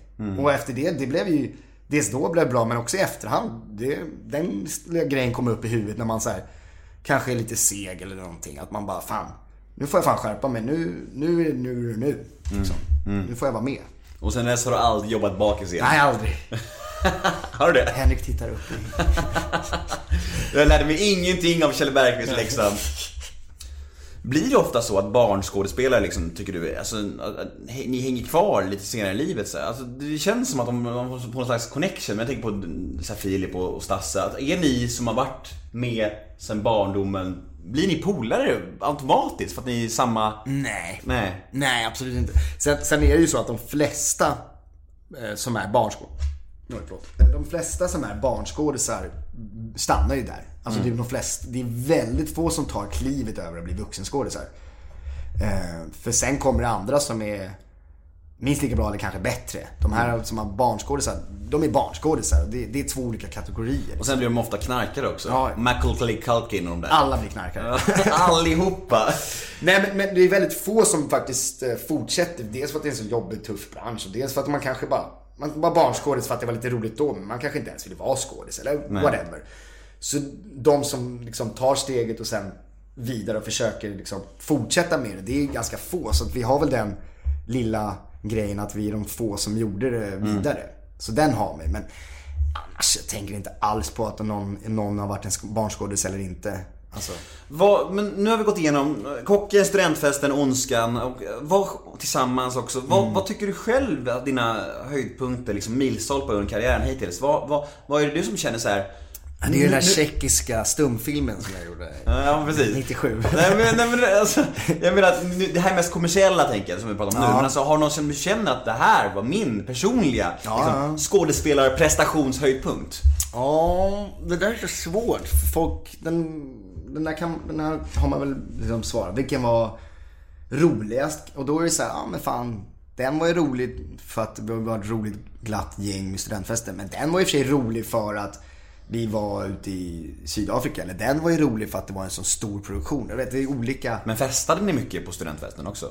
Under, under inspelningen? det gjorde vi väl som, som man gör. Alltså vi är väl i den åldern där, där vi, det är klart vi går och tar några öl eller några drinkar. Johannes Brost bjöd på skumpa. Nej men alltså, inte så mycket med dem men vi, det är klart. Skön Brost alltså. Ja, fantastiskt. Han är fan underbar, alltså jag älskar ja, honom. Johannes Brost är fantastisk. Han är också väldigt bra skådis, väldigt underskattad skådis. Han har ju fått, fått, oförtjänt mycket skit så Ja. här, så här. Men jag tycker att han fick lite upprättelse han fick i den här. Avalon. Ja, där, han fick, där fick han ju sin livsroll. Liksom. Verkligen. Det var, fan, det var väl, liksom. välförtjänt. Men, men, men ingen skulle kunna gjort den rollen förutom Johannes Ro- Brost. Liksom. Fantastiskt. För det var ju lite han på något sätt. Liksom. Men, men där är ju också så här, fan eh, tillfälligheter och helt plötsligt så, så får man den där rollen som bara... Mm. Eh, alltså jag har ju gjort bra roller och det var liksom, jag har gjort filmer som folk kommer se i generationer och sådär. Men eh, jag tycker ju kanske inte att jag har fått den där riktiga rollen ännu. Som är liksom, jag har varit med i ett bra, jag har varit mer i ett sammanhang som har varit grymt. Tillsammans är ju en sån här klassiker. Ondskan är en stor film som vi har varit, liksom, som alla tycker om. Och visst, jag är ju en stor roll i den sådär, men, men inte, det är fortfarande inte så här att jag har gjort Tony Soprano, jag har inte gjort Don Draper, jag har inte gjort, alltså, och vilket är helt fine, för det behöver jag inte ha gjort ännu. Jag har ju många år på mig att Men göra du är, fortfarande, du är fortfarande övertygad om att du har valt rätt väg? Är, du vill vara skådis hela livet, det är det du känner? Ja, ja. Jo men det vill jag. Alltså, det är ju... Nu låter det så här larvigt. Jag tycker det låter dumt om man säger så här, det här är ju det jag kan. För jag kan säkert massa grejer. Jag är en ganska bra kille på olika sätt. Alltså jag är inte korkad så att jag skulle kunna göra annat. Eh, Men, men jag vill göra det här och jag tror man måste om man ska hålla på med det här, vilja det. För vill man inte, tänker man inte att man vill det helt och ganska så här, "Ah, jag kan göra det men jag kan lika gärna göra något annat. Gör något annat för att det är väldigt mycket upp och ner. Nu har jag haft en torka på länge på roller liksom. Det är en liten roll där, en liten grej där. Men det går ju verkligen i när man frågasätter, fan kan jag hålla på med det här? Hur ska det gå? Hur ska jag kunna skaffa barn? Det är den grejen, när man kommer upp i åldern att man går och tänker så här, jag kan inte skaffa barn, tänk om inte jag får en roll sen då? Då står jag ju där utanför. Jag, är ju, jag måste ju ha jobb liksom. För att kunna. Men, men allt det där, sen, tänk, sen så kommer man på sig själv att allt det löser sig. Och alla klarar det. Alla skådisar eh, som skaffar barn, det är ju ingen som, det är inget barn som du ser gå på gatan utan eh, hem. nej. Alla klarar det. Alltså det går är det ju. Ändå tror man ändå på något sätt att så här, jag kan inte. Nej, det, det, det, jag måste ha det så här och så här. Jag måste få, få in den här grejen. Ja, men när du får in den, när den tar slut så kommer du känna samma sak. Man går ju också alltid och tänker så här, om jag bara får den här rollen, eller om jag bara får göra den där grejen. Då kommer det sen bara, då kommer det lösa sig. Då kommer det bara, då kommer det flyga av sig själv. Då kommer jag inte behöva tänka. Men jag menar, sen gör den där tv-serien som är Sveriges största tv-serie genom tiderna utomlands. Men det spelar ingen roll. För att det, det ändå, kan ändå vara torka på länge med roller. Och du träffar skådisar som är 20 år äldre, som du tycker är jätteetablerade, som du tycker jobbar hela tiden. Som bara, ja, jag känner samma sak, ja, det är så lite jobb. Man, man får höra av sig till regissörer och hoppas på det bästa. Liksom. Man får påminna om att man finns och, nej, jag vet inte heller vad jag ska göra. Nu gör, jag, nu gör jag det här, men jag vet inte vad jag ska göra efter det. Det där kommer man, man börjar inse att det där kommer man aldrig behöva få, få släppa. Alltså, Om man inte är Kjell Bergqvist kanske, då, då har det väl liksom på något sätt. Nej men jag känner verkligen igen det där. Från, jag har ju intervjuat väldigt, väldigt många skådisar och, och nästan alla har ju samma oro. Nästan alla känner ju samma ängslan över att telefonen ska sluta ringa och sådär. Och det och det är liksom och att, och att man inte, inte vet vad som händer framöver och så här. Liksom jag kommer det, alltså folk, som man, folk som man tror är att de här måste ju vara superlugna och ekonomiskt oberoende tänker Ja. man, tänker man om folk. Men så är det verkligen inte Nej. liksom. Så det är ju, Det är roligt det där med ekonomiskt oberoende. Vi lever ju ändå i Sverige, här är ju allt med måtta. Visst, man kan tjäna bra ibland om man jämför per dag mot en sjuksköterska som tjänar alldeles, alldeles för lite vad hon gör. Såklart, Eh, eller han. Eh, Men, men, eh, men sen så, sen så, mm, säg att du har 15 inspelningsdagar. Du tjänar jättebra kanske på, om det är en bra produktion. Sen kan du göra mycket filmer där du inte tjänar bra. Men säg att du gör en bra produktion, en stor produktion. Ja, du tjänar bra när du jobbar. Men det är 15 dagar. Sen kanske du har två månader när du inte har någon inkomst. Så slå ut de pengarna. Så är du inte så jävla rik liksom. nej men vilk, vilk, vilken roll har du tjänat mest pengar på då? Eh, bron. Bron? Ja. Vad känner du där? Eh, Nu får man säga, det är inget farligt. är det inte? Nej, det är det Men pengar, man får ju inte prata pengar. Det får du visst det. Får man I det? Nemo möter en vän får man prata om allt. Okej, eh, nej men jag hade väl ungefär 15 om dagen då. Mm. Eh, på faktura. Och då hade jag mycket dagar i säsong 2. Hur många dagar spelar du? 32. Det skulle, det skulle, Jävlar, det här kommer jag få äta upp alltså. 300 lax? Kan det stämma? Ja, något sånt. Men, men, men, Scoop! Ett scoop! Ett scoop! Nu bara, nu bara Ja, skriver. Aftonbladet. Det måste vara kul att jobba då. Ja men det är alltså det är klart att, och det är därför jag menar med sådana grejer när man tänker så här, om jag bara får den där, då kan, då kan jag känna mig lugn ett tag. Mm. Och lite så är det ju. Så här, skulle jag få en, säg att det ska göras en ny polisserie igen, för att det är det enda vi gör i Sverige. Och kolla mina ögon, jag himlar med dem för att jag tycker det är otroligt tråkigt att vi bara gör polisserier. Fast jag vill ändå vara med igen om ni har en. Eh, nej men så, så jag- Har ni huvudroll så eh, är så kan jag göra det. Nej, men, där, är ju, det sköna där är ju att då vet du att du kanske har jobb i två år. För, det, för du ska göra åtta filmer. Liksom. Det är ju det sköna med det. Sen kanske det inte är så bra skådespelarutmaning i längden. Men, men, men det kan också vara ett skön, eh, säker inkomst att få. Jag har ju haft med både Peter Haber, eh, Christer Henriksson och Jakob Eklund här. Ja. De tre största eh, som, i polis. Ja, ja. Och alla de tre säger samma sak. Det är ju inte liksom den, den största eh, konstnärliga utvecklingen kanske. Men det är ju väldigt mycket pengar. Ja. Liksom. Så vad fan ska man säga? Man måste ju... Alla få in- pen, en, peng, den som inte säger att pengar inte spelar någon roll, det, det är bullshit. Det är klart att det är skönt att ha pengar. Liksom. Det, det. Vi lever i en sån värld. Vi, Annars får vi ändra, annars får hela världen ändra på sig. Alltså, Men har du några drömskådisar eller drömregissörer i Sverige att jobba med? Nu när vi snackar om projekt och så här. Liksom. eh, oj. Eh, Om du sätter ihop en ny film, vem regisserar och vem spelar du mot? Ja, shit. Eh, ja men vad roligt. Du spelar, spelar mot en kille och en tjej. Ja, eh, tjej så skulle jag nog vilja spela mot... Oj, det beror ju på också vad rollen, om det ska vara en... Eh, om det ska vara någon Det får du bestämma. Det får du bestämma, det är, det är fantastiskt. Ja jävlar, det här är Du är nämligen producent också. Du Jag är finansierar producent skiten. Ja. också, åh jäklar. Eh, vilka har jag inte jobbat med? Man tänker Oj, oj, oj, där. Blygsamt skryt. där fick han in det. Oj, oj, nu är det ju en del jag har jobbat med här. Just regi, på regisidan så är det fan väldigt många av de bästa har ju haft turen att jobba med. Men, men väldigt många såklart inte. Men fan jag måste... Ja, eh, Ruben Östlund regisserar. Ruben har jag fortfarande inte jobbat med. Ja, fortfarande inte som att jag har jobbat med. Ja, ja, skitsamma. Eh, men, men Ruben regisserar. Eh, Ruben Östlund regisserar ju såklart. Och sen så spelar jag mot...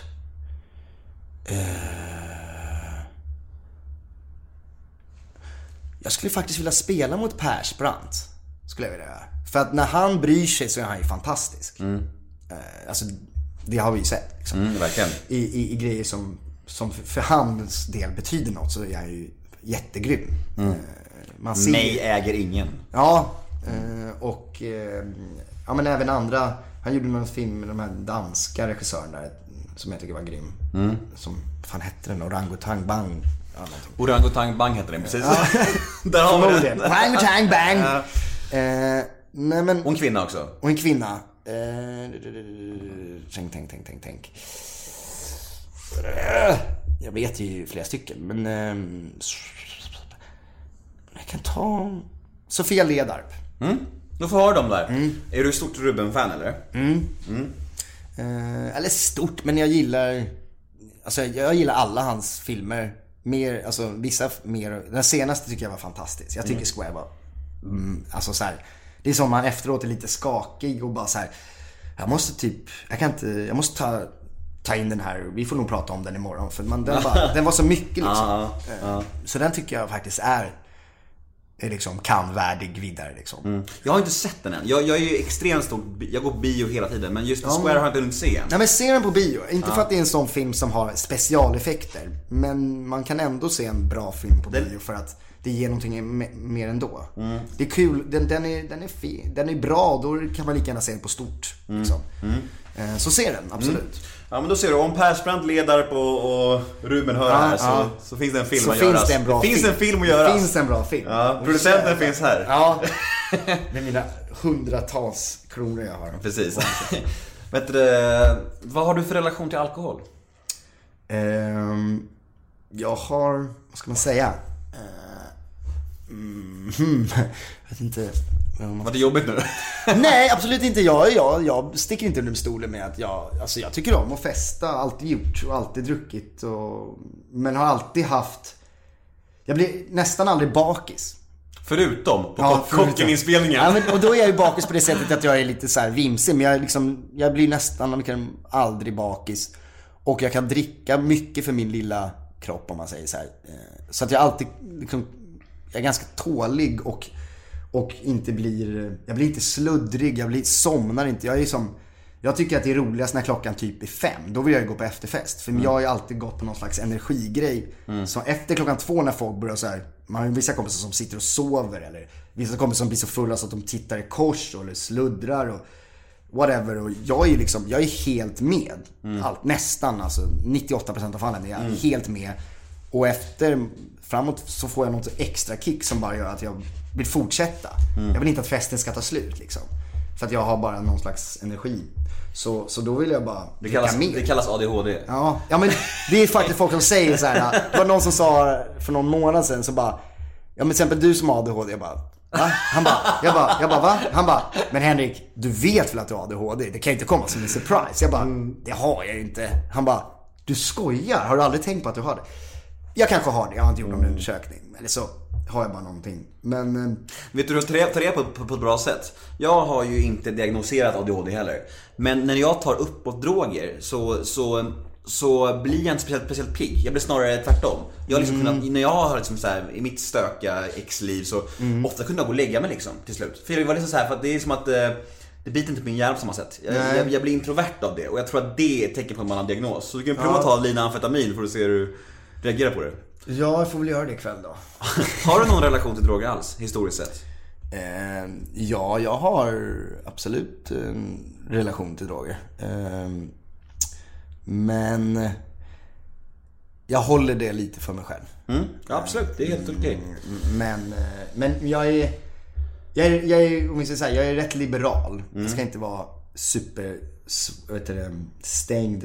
Jag tycker inte att, om vi säger så här, rent generellt, eh, utan att gå in på exakt vad jag gör eller inte gör, så tycker jag att droger, eh, det kan få folk eh, Visst, det kan, det kan försätta folk i dåliga situationer, men det kan också öppna väldigt mycket människor. Och droger kan vara en väldigt bra grej på olika sätt. Eh, Sen beror det på vilka droger man tar och på vilket sätt man tar det, på vilket sätt människa man är. Droger är inte så mycket själva drogen. Drogen har mycket mer med människan att göra. Är människan trygg i sig? Är människan bra och vill liksom göra lite, leva, utsväva lite mer eller vill, så kommer det ofta gå ganska bra. Men har du en stängd eller du har en demon i dig eller du har någonting lite mörkt eller du har någonting du försöker sätta stopp för drogen så att säga. Om du t- sätter upp en, bar- säger, du försöker stoppa drogen så, så kommer det inte bli något bra. Då, tror- För drogen är alltid starkare än, än vad du är. Och går du med drogen så kommer det, kommer det gå ganska bra. Men går du emot drogen så kommer du få noja, du kommer få paranoia och du kanske, ja. Ja, men jag, jag, jag, du är ju inne på någonting där som jag tror är intressant. Att, att använder man droger som jag gjorde för att fylla någon slags tomrum i mig. Då är det ju helt fel syfte. Mm. Så är det med allt också. Ja, så är det med alla flyktbeteenden. Ja. Alltså, om man använder dem till liksom bekräftelse, alkohol, droger, sex för att dö- döva någonting. Mm. Då är man helt fel ute. Det har jag alltid gjort liksom. Och då fastnar man också mycket lättare, som jag gjorde liksom. Nej men alltså liksom droger, alltså, utan att säga liksom exakt vad, men man kan ha superkul med droger. Alltså superhärligt. Man kan ha verkligen det. Men man kan också, liksom det kan gå väldigt dåligt. Precis som med alkohol. Precis som med spelmissbruk. Eh, för jag är spelmissbrukare. Det är mitt liksom, stora missbruk här i livet. Eh, alltså gambling. Eh, det kanske inte finns något annat spelmissbruk. Men allt handlar ju om, det är det jag menar med att det är inte liksom det är det här liksom, ganska bra svenska ordet lagom. Eh, nu säger jag inte att ni ska gå ut och göra lagom mycket kokain, det är inte det jag menar. Men, men allt som du gör mycket är ju dåligt. Gör du någonting för mycket, alltså missbruk. Det är det, det, är det vi liksom, om vi pratar om droger som en dålig grej, då pratar vi om den här drogen när du missbrukar det. När du måste sno pengar, när du måste, när du mår så dåligt att du inte ens vet vem du är. Eller, för då har du ju missbrukat, du har dragit för mycket droger. Du skulle inte, du skulle inte sitta och, och bli liksom, gå ut och mörda folk för att du drog en jo- joint. Absolut inte. Nej, jag, tycker att drogdebatten är Först och främst är det svårt att prata om, framförallt för mig som, som har gjort en helomvändning i livet. Men samtidigt så, är, så blir, kan jag ju bli provocerad när, när jag ser Nyhetsmorgon och, och det sitter någon tant där och pratar om Ja, man kan dö av en joint. Så här, och jag blir så här. Fast den där debatten håller ju inte. Alltså, det grejen, är när jag föreläser, då tycker jag det är viktigt att belysa varför jag fastnade i det också. För att om vi säger till ungdomarna att det bara är skit och sen tar de en drog och, Och ser att det är bra, det är det jag Exakt. menar. För att Då- då- då droger tänker- kan vara jätteroligt. Och det då, då tänker de så här, Det är jaha, bara fakta. jaha, de vuxna ljög. Jag dog inte av droger, nej. det var ganska nice. Precis. Det är inte därför tycker det är droger, det är inte därför droger är farligt. Droger är farligt för att det kan upplevas som så nice så att man fastnar och då kan man rasera Mm. sitt liv om man fastnar och det blir ett missbruk. Och du fastnar ju för att det är nice. Ja, du precis. fastnar ju inte för att det är någonting dåligt. Nej. Så det är därför fel människor ska inte prata om droger. För att det är liksom... Nej, jag- det- jag ska prata om du Ska droger. Mm. prata om, men du är på riktigt den som ska prata om droger. För du har upplevt också det härliga med det. Du har upplevt det roliga med det. Och för det finns, gå och säga någonting annat är bara bullshit alltså. Mm. Det, alltså du kan ha jättenice och, vad fan. Eh, om du går på eh, en, vet du det, som kallas som, eh, vad heter det? Rave. Ja, rave. Ett, eh, vad heter det? Off the park, in the park. Eh, out, ah, skitsamma. Eh, där folk står i en skogsdunge och bara är kärleksfulla mot varandra i flera timmar. Eh, den, jag, jag, vill, jag vill fråga den som sen säger att det, det är sämre än när folk slår ner varandra på alkohol för att de inte får stå före varandra i kön på McDonalds. Jämför de två. Och den ena tycker vi är okej. Bara drick mer nästa helg. Och slåss igen på McDonalds. Medan de andra står, gör ingen för när, kramar varandra, står och dansar. Det är liksom inget farligt. Det farliga blir ju när, fan det här är ju så nice att varför ska jag göra någonting annat? Jag gör det här igen. Då blir ju det för farligt. För att du gör det kanske för mycket. Så är det ju och det, det är ju så man tyvärr, för att försöka avsluta debatten om droger i någon slags ändå allvar, att, att det är ju liksom när man känner, känner känsla av så, så kärlek som jag, som jag gjorde till min huvuddrog så, så fastnade jag och jag kunde inte ta mig ur och mitt liv, jag höll ju på att gå åt helvete. Jag höll ju på att dö i så här psykoser och överdos och allting liksom.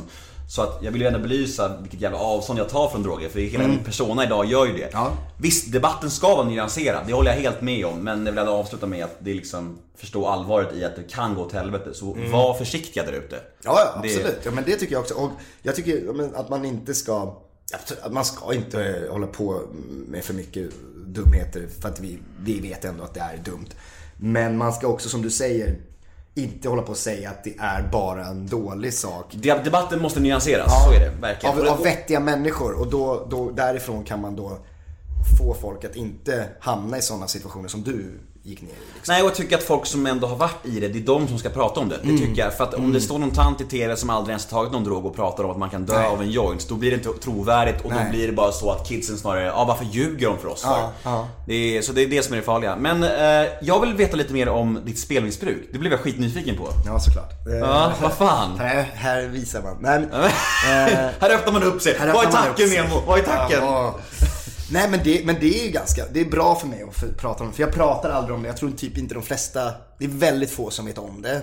För att det är bara någonting jag har hållit för mig själv, min familj och mina närmsta vänner. För det är ingenting som jag, man baserar ut. Så då... Nej. Men vilket, vilket man, man ska, det är bättre att prata om det. Eh, Ja nu sitter du här med, med en missbrukare Ja, så ja. du kan göra chansen. Ja men det är ju, och jag har ju också fått höra liksom att du, du ska, ju mer du pratar om det desto bättre är det för dig själv och för andra att så här, ja men du inser liksom att fan, eh, det kanske inte är så smart att så här, ja men fan var med på den här, lite ska vi spela så att Nej men det börjar ju med att eh, jag har alltid haft, eh, ja men du vet så här, jag går igång, jag är ju liksom en eh, eh, missbruksmänniska, inte missbruk men Beroende en personlighet. Beroende personlighet, Ja. absolut. Jag, jag vill, som sagt, jag vill gärna fortsätta festen, jag vill gärna eh, Spelar jag så tycker jag att det är kul att spela för ännu mer pengar och ännu mer och det är kul bara, adrenalinet växer och allting, allting Kick- som är kicksökare. Kick, kick, kick, kick, kick, kick, hela tiden kick. Och när jag var liten så var det kul att så dra en... Så, så, var, var man på en finlandsfärja så var det kul med automat. Liksom. Alltså så här, spelautomat. Eh, var man, spelar man poker så var det lite kittlande om man spelade, det kunde vara om tändstickor. Alltså bara man fick vinna mest tändstickor. Så kom man upp och så började man spela Stryktipset. Och då spelar liksom man inte för mycket pengar alls, men man spelar för några eh, 40-50 spänn i veckan liksom, med kompisarna. Och sen så började jag redan där ha liksom, när kompisen hade en, två lappar så kanske jag hade fem lappar. Och det började mest som ett skämt så här, har du alla med alla dina lappar? Och då tänkte man inte så mycket på det, det var inte, fortfarande inte så farligt. Men sen så kom man upp i, i ålder och sen så blev man vuxen och sen så, det här är bara de senaste, ja nu är det kanske, vad blir det nu? Nej fan det är längre, det är fan längre än vad man tror. Det är nu fyra, fem år sedan jag blev ertappad så att säga. Ja, Vad hände? Nej, jag, jag spelade... Jag började spela då på de här jävla eh, eh, nät, eh, inte kasino, nät... Eh, Nätpoker? nät nej, så började jag. Jag började med nät, när pokerflugan var inne. Då började man ju spela för, för lite mer pengar. Så satt man upp och så tryckte man och så här, för det var kul med pokerhärvan. För det var ju på TV överallt. Men sen så gick jag tillbaka till det här, för att jag är ju otroligt sportintresserad. Så det är ju kul med sport. Jag gillar, jag gillar all möjlig sport. Och framförallt fotboll. Och sådär. Och då, då började man ju så spela på fotboll mycket. Och då blev det också kittlande att, att eh, en match, det tog bort också, tyvärr, det tog, ju bort lite varför man, man brydde sig mer om om det blev rätt resultat eller om det blev bra med hörnor i en match eller fan allt möjligt man kan spela på dumt. Än själva matchen. Så, så en match när man inte hade spelat blev nästan ointressant. Man, man dödade intresset för sporten för att man bara, ah, spelar ju roll om de vinner. Jag har ännu inte bettat 5000 på att de ska vinna, du vet. Det är ungefär som att ta- bort eh, tjusningen i alkohol för att man har börjat prova droger. Ja. Man kommer känna såhär, åh den här kvällen kan vi ta ännu längre varje gång man super. Ja. Eh, nej, men så, nej men så, sen så började jag spela eh, och sen så började jag spela för mer och mer pengar och man, man kommer liksom, det går ganska snabbt. För att det på en skärm så är det inte pengar. Eh, det är inte fysiska pengar. Om någon ger dig 5000 i 10 500 lappar och du håller dem och bara såhär, fan det här är mycket pengar. Trycka på en knapp och säga så här, vill du överföra? Skriv in 5000. Plick, ja du, nu ser det på ditt konto. Använd 2000 av de här på den här bettningen. Och plick, ja nu fick du vann 2 5, nu har du 5 och 5. Alltså det är bara siffror på en skärm. Ja. som gör att man inte tar det på allvar. Man tar inte, man bara såhär, fan. De där 10 000 hade jag kunnat köpa värsta resan för. De, det existerar inte. För det här är ju någonting annat. Det här är inte pengar som man använder för roliga, bra saker. Eller investerar i. Eh, nej men därav alltså. Och sen så bara eskalerar det. Sen så, precis som med allt, man försöker fylla en tomhet. Precis som du sa. Man kanske inte, eh, liksom, man, kan, ja, man försöker fylla det med någonting annat. Till exempel om jag inte har jobbat. Det är ju mest i perioder när jag inte har haft skådisjobb. Och då känner man att det fan händer ingenting och sen så Fan man har inga arbetskamrater, man har inte så mycket man gör och då börjar man så här, vara inne där och spela. Så kanske man börjar skriva på forum och ge varandra bettingtips. Då får man känna sig nyttig, man får känna sig använd. Delaktig. Man, delaktig, man får känna att man bidrar med någonting. Och man får också känna en kick för sig själv, man får känna att man är bra på något. För när man vinner så tycker man liksom att så här, jag är fan bra på det här. Jag satte den där matchen. Fan, jag är duktig. Alltså man går så långt att man tycker liksom, man ger sig själv så här. Fan vad jag är grym. Och så skriver man på något forum så här. Jag satte den här trippen. Ja, fan vad grymt. Har du mer tips? Och så du vet, börjar man så här. Men sen så bara eskalerar det och det, slutändan vinner ju alltid spelbolagen. Varför tror ni att en av Sveriges rikaste män eh, är spelbolagsstartare? Liksom? Det, är- det är inte för att spelbolagen, att vi vinner. Utan spelbolagen vinner ju alltid i längden. Och sen, kom, eh, och sen finns det de här otroligt vidriga sms-lånen. Som eh, är bidrag stort till spelmissbrukarnas förtret. Liksom. Är, de går lite hand i hand. Liksom. När man gör reklam för en, för en spelsajt och sen reklam efter för en sms-lån. Då, då vill jag ju bara ta tvn, kasta ut den och bara Ja, jag vill bara slå någon på käften för det är så vidrigt hur man utnyttjar svaga människor, vilket det är. Det här är liksom en sjukdom liksom. Eh, och det är ju dumt av mig att säga på ett sätt eftersom jag bara, "Ja, jag dricker och det är kul. För det finns ju det är ju folk som har den sjukdomen också. Eh, men, men, eh, eh, nej men och, och då börjar man Förfallet blir när man börjar spela och bara vill vinna tillbaka. Och sen vill man... Och sen alltså, slutar man man och inte. knarka för att må, må normalt. Ja. ja. Och då tar man sms-lån. Och då tänker man bara, men om jag bara vinner på den här, då kan jag betala tillbaka sms-lånet så är det som att det aldrig har hänt. Så kanske du vinner tillbaka, tror att du betalar det. Nej, då spelar du en gång till. Fan, nu har jag spelat bort det här. Ja, du får ta ett sms-lån för att betala det första sms-lånet. För att annars går ju den räntan ut eller bara. Ja, då har jag det här sms-lånet. Ja, men då använder jag det för att spela med. För då kommer jag ändå, för jag är ju ändå bra på det här. Och sen så går det liksom. Och sen precis som med alkohol, det är ju så här, sen, sen blev jag ertappad av liksom min morbror som hjälper mig med ekonomin som helt plötsligt bara, vad har du gjort med alla dina pengar? Och varför har du, och då hade jag liksom 80 000 sms-lån. Eh, och jag hade spelat bort alla mina skådis, det jag hade tjänat i skådispengar och sådär.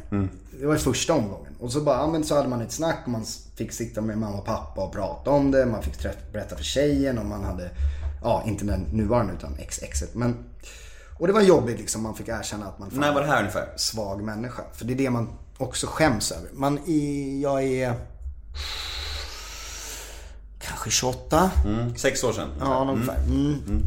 Och det är också där, som du säkert känner igen, att man är, framförallt är man, vill man inte, man bara gräver och gräver och man bara sätter skygglappar på. För man skäms ju att berätta för någon att man är missbrukare av någonting. Så man vill ju hellre bara låtsas som att det regnar. Fast man bara ser ju, om man skulle vara riktigt ärlig, jag vet ju att jag, jag kom, någon gång kommer jag hit bottom. Alltså jag har inga, pengarna tar ju slut. Alltså jag kommer inte kunna ta mer sms eller whatever liksom. Ändå så bara, nej men jag, jag kan inte berätta, jag kan inte berätta. För man tycker att det är det pinsammaste som finns alltså. Det är så jävla pinsamt att vara en svag människa. För i övrigt så är jag ju en bra, eller stark och klok och jag är en intelligent människa. och Jag har saker på koll. Jag, jag, jag kan ju saker. Jag är ju en, jag är en vettig människa, jag vet ju det liksom. Som, men just i det här fallet så är jag ju asdålig med, alltså svag liksom. Och då vill man inte visa det, man vill inte visa sin svaghet. Och ja, man tycker ju utifrån att man är fan patetisk som så här går och spelar bort pengar som man skulle kunna investera i en lägenhet istället liksom. Alltså det jag har spelat bort upp mot en miljon. Så illa är det liksom. Men om du väljer att se på det som en sjukdom som det ändå är i, i alla mina ögon, både spelmissbruk, alkoholism och narkomani, så, så blir det inte lika mycket det här att du är svag. Nej. Nej, Nej. Du, för du är ju inte svag. Nej men det lär man sig när man börjar ta tag i det. Exakt. Du, Jag gick du, ju på möten. Din, din hjärna är ju kidnappad. Min då tjej, dåvarande tjej var ju superfin. Hon, gick, hon tog reda på det, inte ens jag, men vart man kunde gå och prata. Det fanns på onsdagar vid, borta vid... Eh, borta vid... GA. Nej, Nej. borta på vid Gärdet. Vad heter stationen? Alltså, Karlaplan. Nej, alltså Gärdet, stationen är i Gärdet och sen går man upp där i det här området. Ja, det är i alla fall Skitsamma, ett hus, ja. hus som där på onsdagar var det då i alla fall. Det kanske är fortfarande. Ehm, att man går och pratar. Då kommer man dit, den som är spelmissbrukare men också den som är bredvid. Ja. Så de som är, de sätter sig i ett rum. Alla de som är där med sin Anhöriga. anhörig. Ja, som ja. ett rum med anhöriga. Där de får prata med varandra hur de har upplevt det. Och vi sitter och pratar. Och man bara säger sin story. Och man säger den varje vecka. Eh, Fast, och bara för att prata högt om det. För att ta orden i sin mun. För att säga till andra att det här och det här gjorde jag. Och det, man lär, det som var nyttigt var att man dels pratade om det själv. Man fick så säga det högt. Så att man faktiskt, det kom in i ens huvud. Men också att höra att du är inte ensam. Och det är inte en viss typ av människor. Du har liksom någon som är en familj och du har framgångsrik bla bla bla. Eller du har den här unga killen eller du har den här mamman som har spelat bort halva sin förmögenhet, bor i ett garage nu. Liksom, som har ett jättebra jobb. Liksom, du har alla möjliga människor. Och alla har samma story ungefär.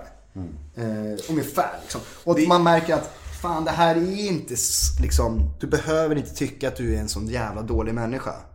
Utan det är bara någonting som, det här är din grej som, som du inte klarar av att hantera. Och det är det jag menar med lagom. Jag går inte, blir inte sur när mina polare spelar, spelar på liksom, om de bara säger jag har gjort en stryktips nu, ska vi kolla på fotboll?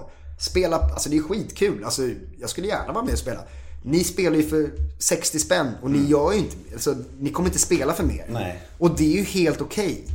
Men jag kommer ju sen, om jag spelar en, för det var så, jag åkte dit en gång, precis som alkoholist. Så tar man bara, nej men det är lugnt nu. Jag, jag, man tror inte att det är liksom någonting som är, man har ju ändå koll. Jag är ändå en smart, en smart människa. Spela lite stryktips, för vad fan om jag spelar för under 100 spänn, då är det inget farligt. Då är det bara någonting, 100 spänn i ve- veckan har jag ju råd med. Det har jag ju. Om jag gör det.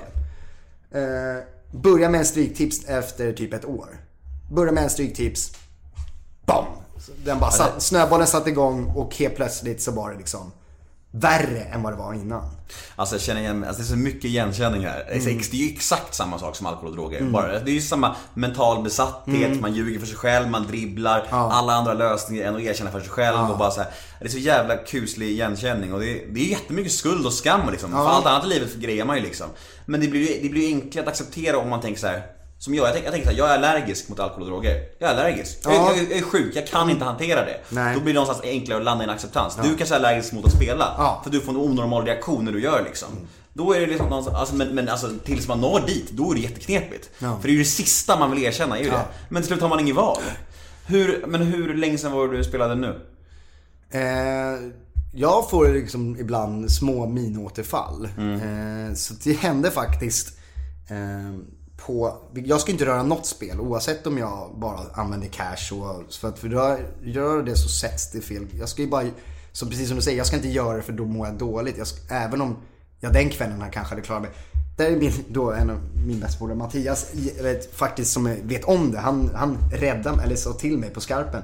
Vi var på en svensexa, vi var på en klubb och så spelade ett gäng av grabbarna lite blackjack. Och jag hade 200 spänn i cash. Jag tog inte upp kortet liksom, jag hade 200 spänn i cash. Jag har aldrig cash på mig. Man bara, jag bara, men jag kan ju spela för de här 200. Det är kul att bara stå med grabbarna, för det är mest en social grej. Då kom han fram och tog tag i mig och bara så här, Henke, nu går du och jag härifrån. Du kan lämna de där markerna, de är borta. Du behöver inte ens bry dig om du vinner eller inte. Du och jag går härifrån, vad håller du på med? Tog bort mig därifrån och jag bara, tack. När det bara, en sekund tog det för mig. Jag bara gav han en kram och bara, tack, du vet, du gjorde det för min Han bara, ja, varför? Nu tar vi en drink eller, liksom, eller nu dansar vi, nu gör vi någonting annat. Du ska inte röra det där. Och det var ju superbra. Och därav det viktiga att man ska våga berätta om saker och ting. För han, han var ju den enda i det gänget som ens visste att jag hade spelmissbruk. Hade jag berättat det, man ska inte gå runt och, man klart man inte vill ha en t-shirt där det står jag är spelmissbrukare, ta hand om mig. Men hade fler vetat det så kanske någon annan också hade sagt något. Men ju, det är ju så, ju öppnare och ärligare man, vågar vara om ett problem, desto lättare blir det att handskas med det.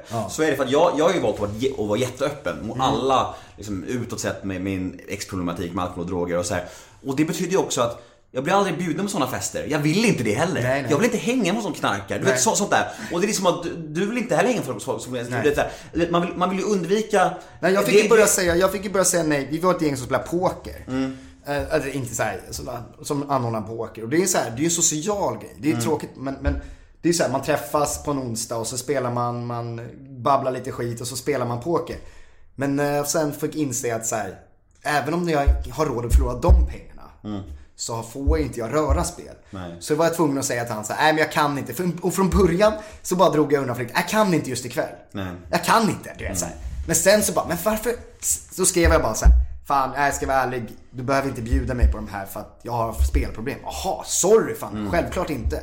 Men det är ju så, Ja, när man förmår sig... ingen, när man, ingen, nej. ingen beter sig på något annat sätt än förstående och, och glad att man säger det. Kärlek bara. Ja, bara det är ju kärlek. Så, ju ärligare man förmår att vara med sina problem, desto bättre blir det ju. På Mm. alla sätt. Folk förstår, vill hjälpa, du vet såhär. Det är, ju, det är ju med allt i livet, så fort du är, därför man alltid ska försöka bara vara ärlig och eh, det är inte alltid lätt men det är ju alltid bättre att bara ha sin rygg fri, alltså släppa, för de här stenarna inombords, försvinner de så är det ju, det är som att göra slut, det är som att, eh, du vet, det är skitjobbigt.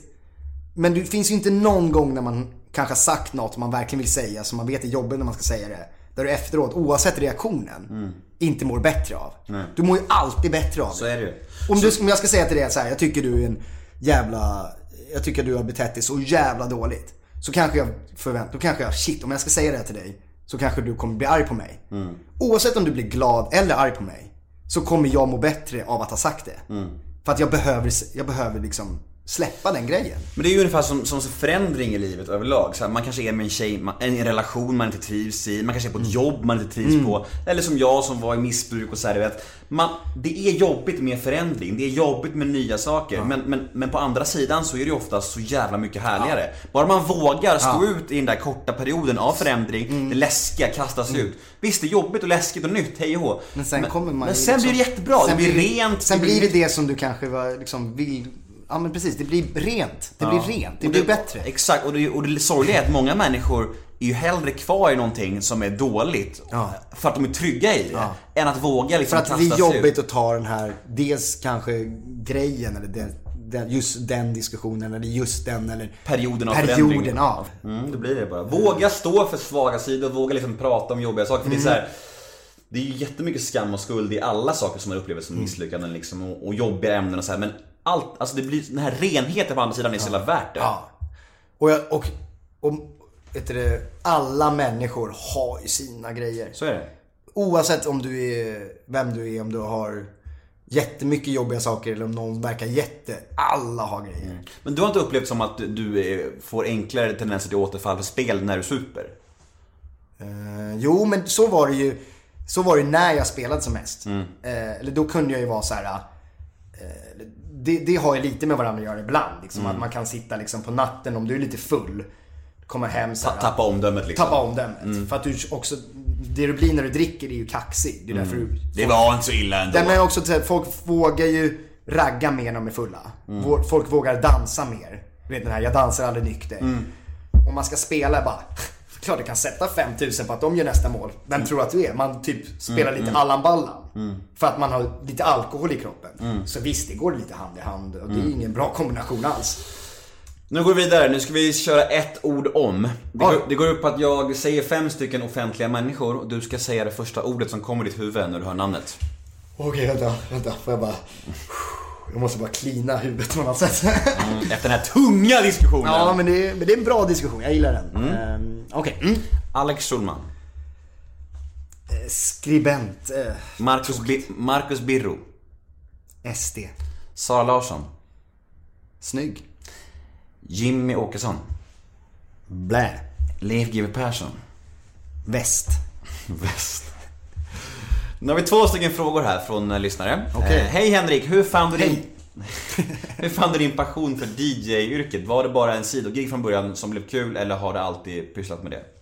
Eh, jo, alltså jag är ju väldigt musikintresserad.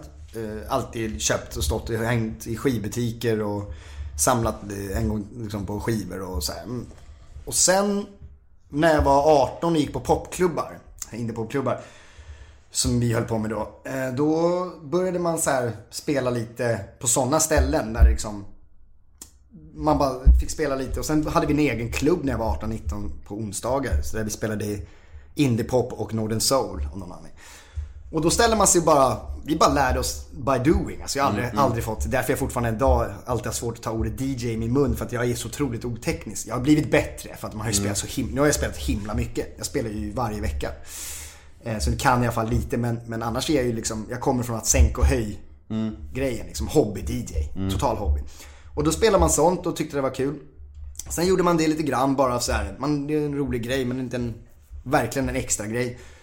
Och sen så för två år sedan så började jag spela lite mer igen och så hörde jag av mig till lite folk och så fick jag spela och de märkte så här, fan du har ju bra stämning eh, när du spelar. Du har ju bra koll liksom. För jag är ju väldigt bra på att känna in publik och ställe och stämning. Så, och jag har ju som sagt bred musiksmak så jag, jag kan spela hiphop, jag kan spela old school hiphop. Jag kan spela 50-tal för jag kan 50-tal. Jag kan spela britpop för jag kan britpop. Jag kan spela, ja du vet, soul. Jag kan spela allt möjligt. Så för mig så får man ju det jag inte har tekniskt, det har jag i att jag har en bredd och en liksom, ett sätt att få liksom, publiken kommer ha jävligt roligt jämt och det är trevligt. Och, och det är viktigare har jag märkt liksom. Så jag märkte liksom att jag är fan bra på det här. Jag, jag, kan, jag kan gå och spela. Det är kul. Jag gillar ju, jag gillar ju utemiljöer. Jag gör ju det. Jag gillar ju restaurangen. Eh, Jag gillar krogen liksom. Och jag, jag blir ju inte trött heller så att jag kan ju spela liksom, när jag har så här pass på Spybar, jag spelar väldigt mycket på Spybar, 1 till 5 och folk bara shit alltså jag har fan ett, du vet jag är i säng 2 liksom senast och annat, du pallar det där. Jag blir inte trött så för mig... Du blir ju inte trött, det låter så sjukt. Ja, men jag, blir, jag tycker bara att det, jag blir bara, jag tycker det är kul och folket ger mig energi och jag, Mm. det blir också en, när jag DJar så blir det lite eh, min scen, när jag Mm. inte får ha en scen. Det blir ju ett slags performance. Mm, Jag får ju en publik.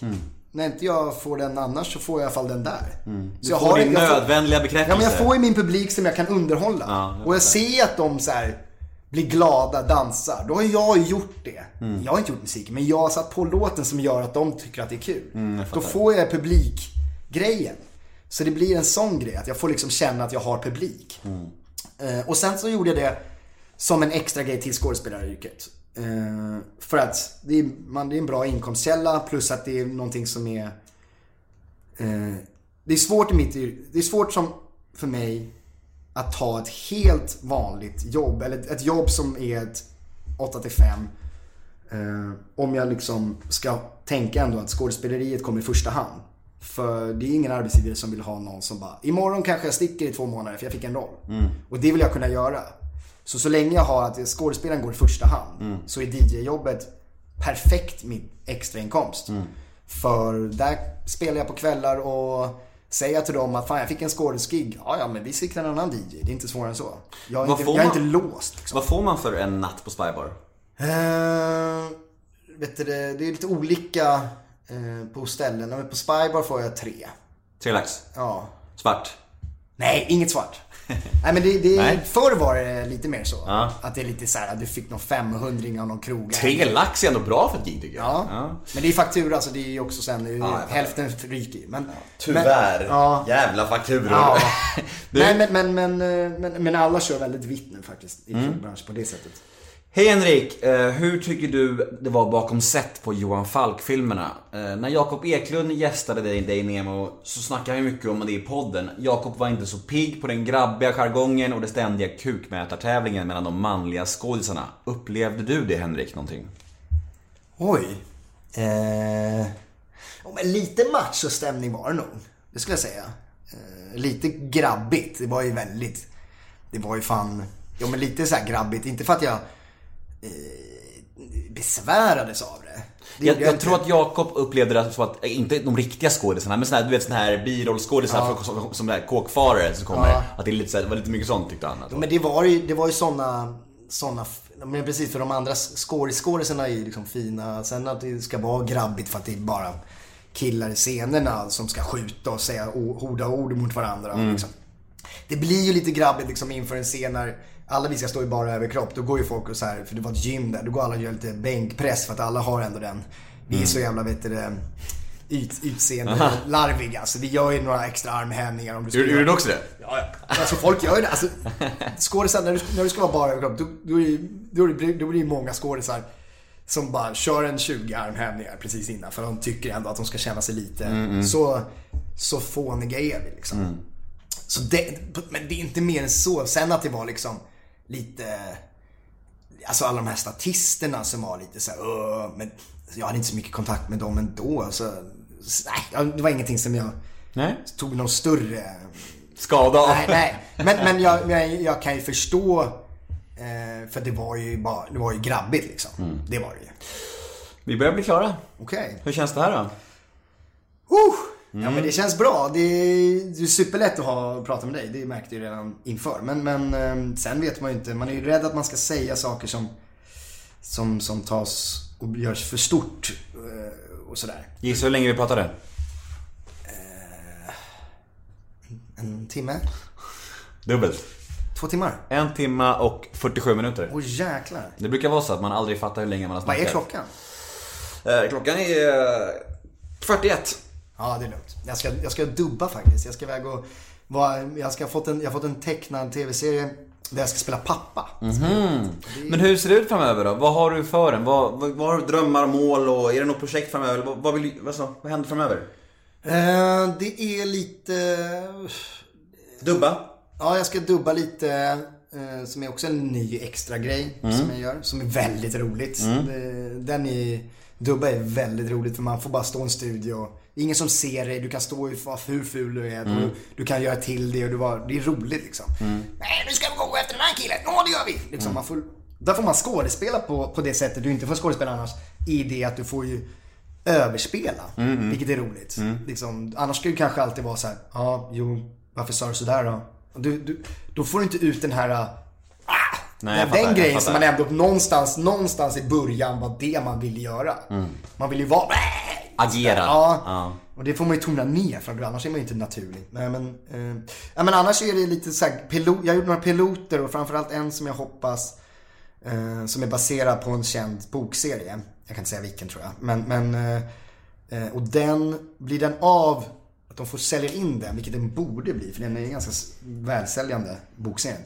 Då har jag en bra stor roll i någonting som då skulle vara en, tv-serie. Och det hoppas jag verkligen blir av. Mm, vi håller tummarna. Om man vill följa dig på sociala medier, vart finns du och vad heter du? Henrik understreck Lundström tror jag. Då får man ta del av taco också. Då får man ta med mest av taco och ibland mig. Ja. Eh, Så kanske kommer dyka upp ett eh, Instagramkonto för taco framöver också. Ja, kanske. Min syrra sa att hon hade lite bilder eh, på dig från, Sun, från, Sunny Beach. Jag tänker att när jag, när, när, jag, när, jag, lägger, alltså. när jag lägger upp det här i den här podden om några veckor så ska jag eh, bifoga en bild från Sunny Beach på dig.